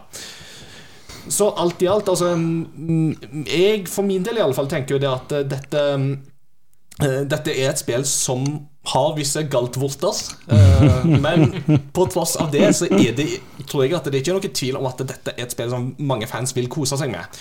Og til syvende og sist så er det nok det som er det aller viktigste her. Og så kan vi som er på en måte mer holdt på å si, spillanalytisk Altså Vi som driver mer med holdt på å si, spillanmeldelser og sånt Vi kan heller på en måte plukke fra på en måte enkelte elementer og litt sånt og påpeke her er det kilde til forbedring og den slags. Men uten at det skal ta vekk opplevelsen, som jeg tror veldig mange vil få, nemlig at dette er en veldig gøyal opplevelse. Mm. så tror jeg altså, Det jeg syns de har gjort eh, bra og lurt, eh, med litt måten de har gjort det på Det, altså, det går litt, kanskje litt utover oss, da, men måten det er lagd på, er, det er veldig fint open world-spill å starte med. Og det er nok veldig mange som starter med Galtvort fordi du har, det, du, ja, du har vokst opp med det, og så bare Å, men altså, det må du jo prøve. Du får muligheten til å sprenge rundt i Gal, ja, Galtvort og alt det der. Uh, og så om du er ny i det, så er det kjempekjekt. Og er du gammel eh, Harry Potter-fan, så er det jo utrolig mye artige eh, små puns eh, rundt, om, eh, eh, rundt omkring. Follow the butterflies og sånn der. Som, er, som gjør det veldig kjekt å være Harry Potter-nerd i tillegg. Ikke sant? Men det er én ting som jeg bare må få ut, for det er en stor hjertesorg. Det er ingen rumpeldunk. Nei. Det, Ai, mitt hjerte ai, ai, gråter over at det eneste beste Eller den nyeste beste muligheten jeg fortsatt har til å spille rumpeldunk, det er Harry Potter verdensmesterskapet i rumpeldunk på GameCube. Det begynner å bli noen år gammelt. sånn. Så det må de få på plass ved en oppfølger. Altså, for meg så er rumpeldunk er bare en av de aller aller beste tingene med Harry Potter-universet. Jeg syns bare det er så gøy. Mm. jeg irriterte meg jo grønn over at de ikke viste finalen i Rumpeldunk-mesterskapet i den fjerde filmen. Ja, du fytti katta! Det er jo kjempeirriterende. Du bare bygger opp hauser og så blir det bare We won, we won. Og bare sånn, ja, men la oss få se kampen, da! Ja, ja, men det som jeg nesten syns er vær, er at du får jo se noen episke eh, sopliferdigheter. Så du får på en måte smak på det. Ja. Og så ser du liksom øh, Og så blir bare døra smelt i trynet på deg. Så nei, det var synd. Ja, det um, ja, nei, Screen Rant sier at det er DLC på vei, og den første um, Mye tyder på at Quidditch kommer til å komme. Ok. Ja, det, vi Men- får se på det. Jeg har hatt litt motstridende på, på det. Der det er noen som har sagt at det ikke kommer noe DLC. Så Det får vi nok svar på i tide. det gjør vi nok. Er det noe mer vi vil skyte inn om uh, Hogwarts Legacy før uh, Burde hatt en egen episode om det her. Ikke sant? Ehm, nei, hvis det ikke er mer, så tenker jeg at uh, Hva annet, eh, Benjamin? Har du uh, ja, Det var det, var det, det, var det vel! Det er bare så gøy å få denne praten, for at det er jo så sjelden vi har alle tre som har spilt samme spill. Det, det, det var ganske kjekt, faktisk. Nei, jeg har spilt uh, Overwatch 2. Uh, I det siste har jeg prøvd meg på competitive. Det er ganske artig. ja. Ja. Eh, da, det er en helt annen måte å spille på enn når du spiller freeplay. For da er det liksom bare å hoppe rundt og være en gærning. Mens i competitive så det funker ikke å, å gå alene. Mm. Det, det er helt umulig. Du må være i gruppe, og du må uh, følge strategien hele veien. Mm. Uh, så det, det er utfordrende, og det, jeg syns det er artig. Uh, I hvert fall i en begrensa mengde. Mm. Det blir en ny, litt ny måte å spille på. ja, Det det. det blir det. Eh, I tillegg så har jeg jo som nevnt eh, spilt litt eh, Pokémon uh, Violet. Uh, tatt litt raids og litt sånn. Mhm. Ja. ja. Mm. Hvem, og da er jo spørsmålet hva er din starter? Er det Sprigatito, Fuecoco eller Quaxley? Det var Quaxley, for jeg syns han ligna så på Ololoffen. Ja. Med en, en. Ja, ingen tvil om det. Dessverre så utvikla han seg. Åh. Du, du, må, du, må spille, du må spille kreasjonistvarianten av Pokémon, der det ikke er lov med evolusjon. Sånn som i Simpsons når, når eh, Ned Flanders har eh, har eh, avla på gullfisk, sånn at de staver Jesus med stripene sine. Så, så kommer Lisa Simpson og sier Å, så du mener at kunstig utvalg var opprinnelsen til denne arten? Eh, vent nå litt, jeg vet ikke hva du prøver om. uh, nice. Ja, eh, Peter. Mm. Eh, har det blitt tid til noe annet enn eh, Hogwarts Legacy? Eh, bortsett fra at jeg har brukt sikkert de siste åtte timene på å sprenge rundt omkring. Uh, altså har eh, litt Splatoon Ja, uh, når jeg var på, på reis hjem i helg, og Ja. fikk ikke lov til å ta med PlayStation. Ja, for du plukka jo opp Splatoon 3 i Japan. Mm. Ja. Så det jeg koser meg, med- koser meg med det. Ja. Det, det. Det er veldig dumt eh, for meg bli, ja, å prøve meg på et annet spill mens jeg holder på med et spill som jeg er veldig glad i, og som tar mye tid, som Hogwarts Legacy. Så da blir det ikke så mye som jeg gjerne skulle, men jeg gleder meg til å ta det opp igjen. eh, Mm. Så fort jeg har funnet de siste kistene og sjekka ut alt det andre som må gjøres eh, for å få 100% av det. Mm. Men uh, snart ferdig med det òg. Ja. Men ja, så det og synes veldig ja, hele, hele konseptet er jo kjempekult. Ja, for dette er jo ditt første sånn skikkelige møte med Splatoon. Ja. er det ikke? Ja. Jo. Og det er jo veldig greit med Splatoon, er jo at det da særlig i multiplayer Altså, Det er veldig bite-sized med at du kan liksom ta én til to kamper altså, mm. uten at det spiser opp altfor mye av Hogwarts-tida di. Mm. For at de kampene er jo bare på tre minutter. Ja, de er det. Eh, så det som var nedtur, det var jo at eh, jeg visste jo at det var en sånn multiplayer, men jeg hadde ikke fått med meg at du måtte spille på forskjellig. Mm. Så eh, og jeg var jo benet klar for å kose oss en kveld med, med Splatoon, Mm. så da ble det Mario Kart. Ja. Så, det, men det, så det, var, det var litt sånn Det var litt kjipt. Men så, med tanke på hvordan det er, og sånn, så skjønner jeg jo at det funker jo ikke så bra. Du kunne hatt en split screen. Eh, men ja. Mm. Så det, men det er utrolig kjekt. Og så har jeg- så begynt med sjakk. ja. Sett og spille på mobilen med sjakk. eh, Jeg har nesten gjort hver eneste dag i det siste. ja. Uh, imponerende dårlig til at jeg spilte hver dag i det siste, men det, det er kos likevel. Det, um, Men det tar et livs, eh, er å mestre det. Så. det er jo det det er, da, så har god tid. Og jeg tenker jo også det at Når du da først begynt på sjakk, så er veien veldig kort videre til strategispill som Triangle Strategy og Fire Emblem og sånne ting, så da vet jeg hva jeg kan pushe på deg eh, Ja. ved neste anledning. Som om det ikke er nok å gjøre på gamingfronten. Nei, det er alltid noe mer å ta seg for det. Altså, det, så, det, det siste året er det travelt å være gamer. Ja, ja, ja. Det er Åh, det er så, også bare den våren her er jo krise. Det høres veldig negativt ut. Vi er fryktelig bortskjemt, jeg er lykkelig. Ja. sant? Så, Ja. Nei da, men det var meg. Ja. Ingar. Um, Hogwarts Legacy har jo da blitt ferdig med. Um, eller jeg har um, i hvert fall sagt meg ferdig med, med det nå. Så jeg har på en måte mm, Det er mye jeg kan gjøre videre av sidequester og sånt, men det har ikke liksom holder ikke nok på meg til at jeg eh, fortsetter med det, med tanke på alt det andre som kommer. Altså nå, På mandag så fikk jeg jo fem spill i posten til sammen. Altså, Ja. Da fikk jeg Kirby, jeg fikk Metroid Prime Remastered, jeg fikk Like a Dragon Ishin, jeg fikk eh, Octopath Traveler 2, men det spillet da som jeg begynte på av disse fem, det var da Theater Rhythm Final Bar Line. Si den tittelen for ti ganger. Theater? Nei. Theater Rhythm Final Bar Line. Ja. Så Theater Rhythm-serien er da musikkspill med Final Fantasy-musikk. Eh, der du spiller Altså, du har noen sånne små chibi-varianter av Final Fantasy-figurer. Og så kommer det da mm, merker på skjermen som du skal tappe i takt med musikken. Og så spiller du deg igjennom musikk fra alle Final Fantasy-spillene. Dette er et konsept som i utgangspunktet begynte på eh, Nintendo 3DS. Der fikk det to spill. Da fikk du henholdsvis Theater Rhythm Final Fantasy og Theater Rhythm Final Fantasy Curtain Call, som er to spill som jeg har hatt det veldig gøy med. Eh, og så I tillegg så tror jeg det er kommet en Dragon Quest-variant som kun ble sluppet i Japan. Nå er da et nytt spill i den serien kommet ut til Nintendo Switch, til PlayStation, og jeg lurer på kanskje til PC. Litt usikker på det siste. Og um, så langt så er det Det er mer Theater Rhythm. Eh, det er kjempegøy for de som vil ha Final Fantasy-musikk og et like rytmespill. Og hvis de aldri har spilt dette før, så er det liksom det, altså, for dette er sånn spill som er litt sånn Hvis du vet at du er i målgruppa, da er du i målgruppa. eh, Rett og slett.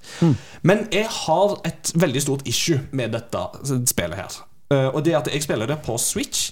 Og det at på Switch så sliter jeg med å få kalibrert Altså, dette spillet er ikke godt kalibrert mellom bilde og rytme. Og, og input latency. Oh, ja. input latency. Og det er Du har noe For dette har ikke et sånt automatisk kalibreringsverktøy, så du bare kan liksom gå inn og så trykke på at liksom eh, Trykk på knappen, trykk, eller trykk i takt med når bildet når eh, måleren. Trykk i takt med musikken. Det er ofte sånn du kalibrerer rytmespill. Sånn har du kalibrert Guitar Hero, sånn har du kalibrert eh, eh, Persona-dansespillene osv. Det har du ikke her. Du har ikke verktøy for det her. Altså, det du, har, du har noen slidere som du kan justere på, men det krever en sånn form for at du må liksom inn og ut, inn og ut, inn og ut mellom innstilling av sang, innstilling av sang, og i tillegg når du da har lastetider, så blir det veldig slitsomt, og du, du må liksom hele tida på en måte vurdere sjøl hva er det som er problemet. Og det gjør at det samme hvor godt du prøver, så vil du liksom aldri få en helt match mellom når beatsen er, og når det skal trykkes på i forhold til skjermen. Og det er jo alfa og omega i et rytmespill. Det, det, det er jo Det- det som gjør det spillbart. Ja, ja, og særlig når det kommer høyt opp på vanskelighetsgradene. Og altså, dette er ikke for å skryte, men jeg har veldig mye Final Fantasy-musikk i blodet. Altså, Dette har jeg hørt på i mange mange år. Dette er synkoper og taktarter og sånt, og baselines og sånt som jeg kan veldig, veldig godt. Da er det veldig frustrerende å ikke kunne benytte av det, og at jeg hele tida må være veldig konsentrert på bildet. At jeg ikke kun kan gå på lyd. Eh, så, så, så skaper det noen sånne mismatcher som rett og slett blir fryktelig frustrerende. Rett og slett i lengden. Det jeg har oppdaga, er at dette spillet da er verst på dette hvis du spiller det håndholdt og har Bluetooth-øretelefoner kobla på. Ja. For Bluetoothen skaper en ytterligere forsinkelse. Og du Så hvis du spiller dette håndholdt, så er mitt stalltips Da må du kable det. Altså Da må du ha enten spille det med bare inn høyttalerne, eller så må du kable headsetet ditt. Ikke spill det med Bluetooth-headset på. Hvis du skal kable det, så blir det litt bedre, og på TV så er det òg litt bedre. Men det er aldri 100% perfekt, og det er litt sånn irriterende. I tillegg så jeg tror jeg at det er noen sanger som er gjemt bak en betalingsmur her, som er litt litt irriterende. Altså, de har alle Final Fantasy-spillene uh, til stede, bortsett fra Dirge of Cerberus, Final Fantasy 7, som er en sånn spin-off til Final Fantasy 7, uh, med Vincent, Valentine, nei, Vincent i hovedrollen. Eh, men det er noen enkeltsanger som er gjemt bak betalingsmur. Deriblant så tror jeg at Xanarkand er en av de. Til Can, Ja. Dun, Altså, og de har mange andre fra Final Fantasy 10. Altså, de har Sticky Danny og en del av disse som du vil forvente. Men Xanarkand er jo en av de som jeg definitivt forventer. Og den tror jeg er gjemt bak en betalingsmur. Og det er sånn Nei, det, ikke gjør det. Og de, eh, det er gøy at de gir ut masse innhold her til andre spill òg, som er Square Enix-rollespill. Eh, Chrono Trigger skal komme. Nier, uh, Nier er ute som paid DLC. Romancing Saga er ute som paid DLC. Live Alive er ute. Uh, The World Ends With You. Alle disse er jo spill som jeg har et sånt forhold til. Eh, men det er veldig synd at de ikke har noe, i hvert fall, som eh, er inkludert i spillet. Særlig når spillet koster full pris i utgangspunktet. Pris og sånt er på en måte i utgangspunktet ikke, ikke et issue, men det er mest de der Final Fantasy-sangene som er gjemt bak betalingsmuren, som irriterer meg mest. da Det, det syns jeg at de ikke burde gjort. Men kalibreringer, det burde vært et i innstillinga, det burde vært et kalibreringsverktøy som er bedre enn det du får her. Dessverre. Så eh, enn så lenge så er ikke det en recommendation fra meg, men vi får se. Altså, eh, når det er gøy, så er det gøy. Eh, når du får uh, Advent Children-musikk og Final Fantasy 7, så altså, det, det, det svunger jo av det. Så, men eh, jeg kommer med en anmeldelse på Game Reactor av det når det er klart, så da får en bare vente og se.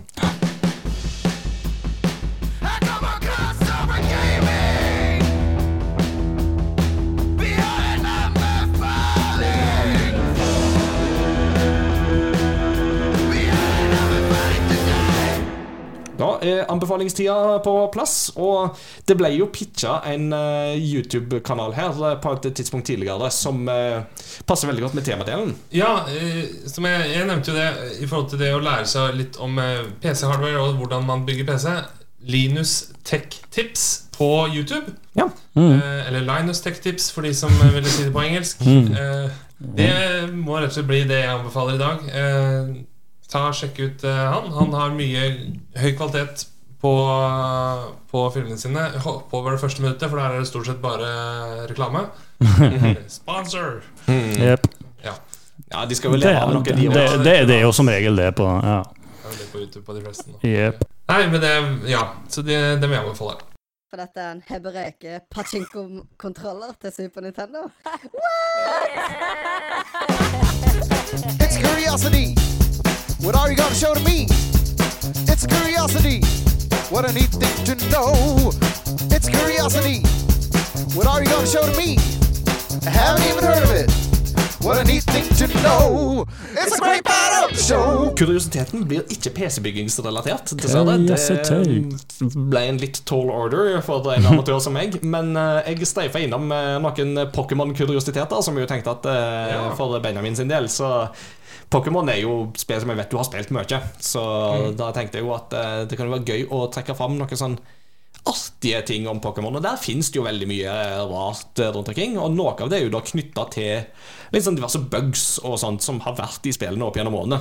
Blant annet visste dere det at eh, i de originale utgavene av Pokémon Red og Green, som det jo da heter i Japan, så kan du tape mot den sjette gymlederen, Sabrina. Men hvis du da taper og bare går rett inn i gymmen etterpå, så registrerer spillet at Å ja, ja, men du vant jo. Så da får du bare badgen og TM46. Ja. Så What? mot Sabrina så spiller det ingen rolle i det originale, aller første eksemplarene av spillet om du vant eller tapte mot Sabrina. Hvis du tapte, ja, ja, det men du, du skal ha for forsøket, så du fikk liksom trøstepremie. Her er jeg sjette badge. ja. Ash Ketchum hadde en mye verre opplevelse der han ble kidnappa når han tapte. Nakkelandsby. Stemmer, det var det. Well, that turned dark really, really fast. ja, ja.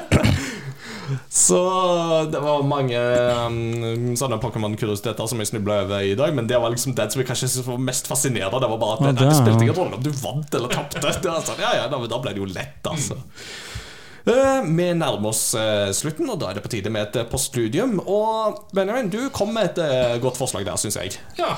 Som eh, et spill som eh, noen av oss har spilt i det siste, eh, som heter Hogwarts Legacy. Jeg vet ikke om noen av dere har hørt om det? Nei, Aldri har aldri hørt om det er Er med zombier? Inferni. Inferni. Fuck det, det!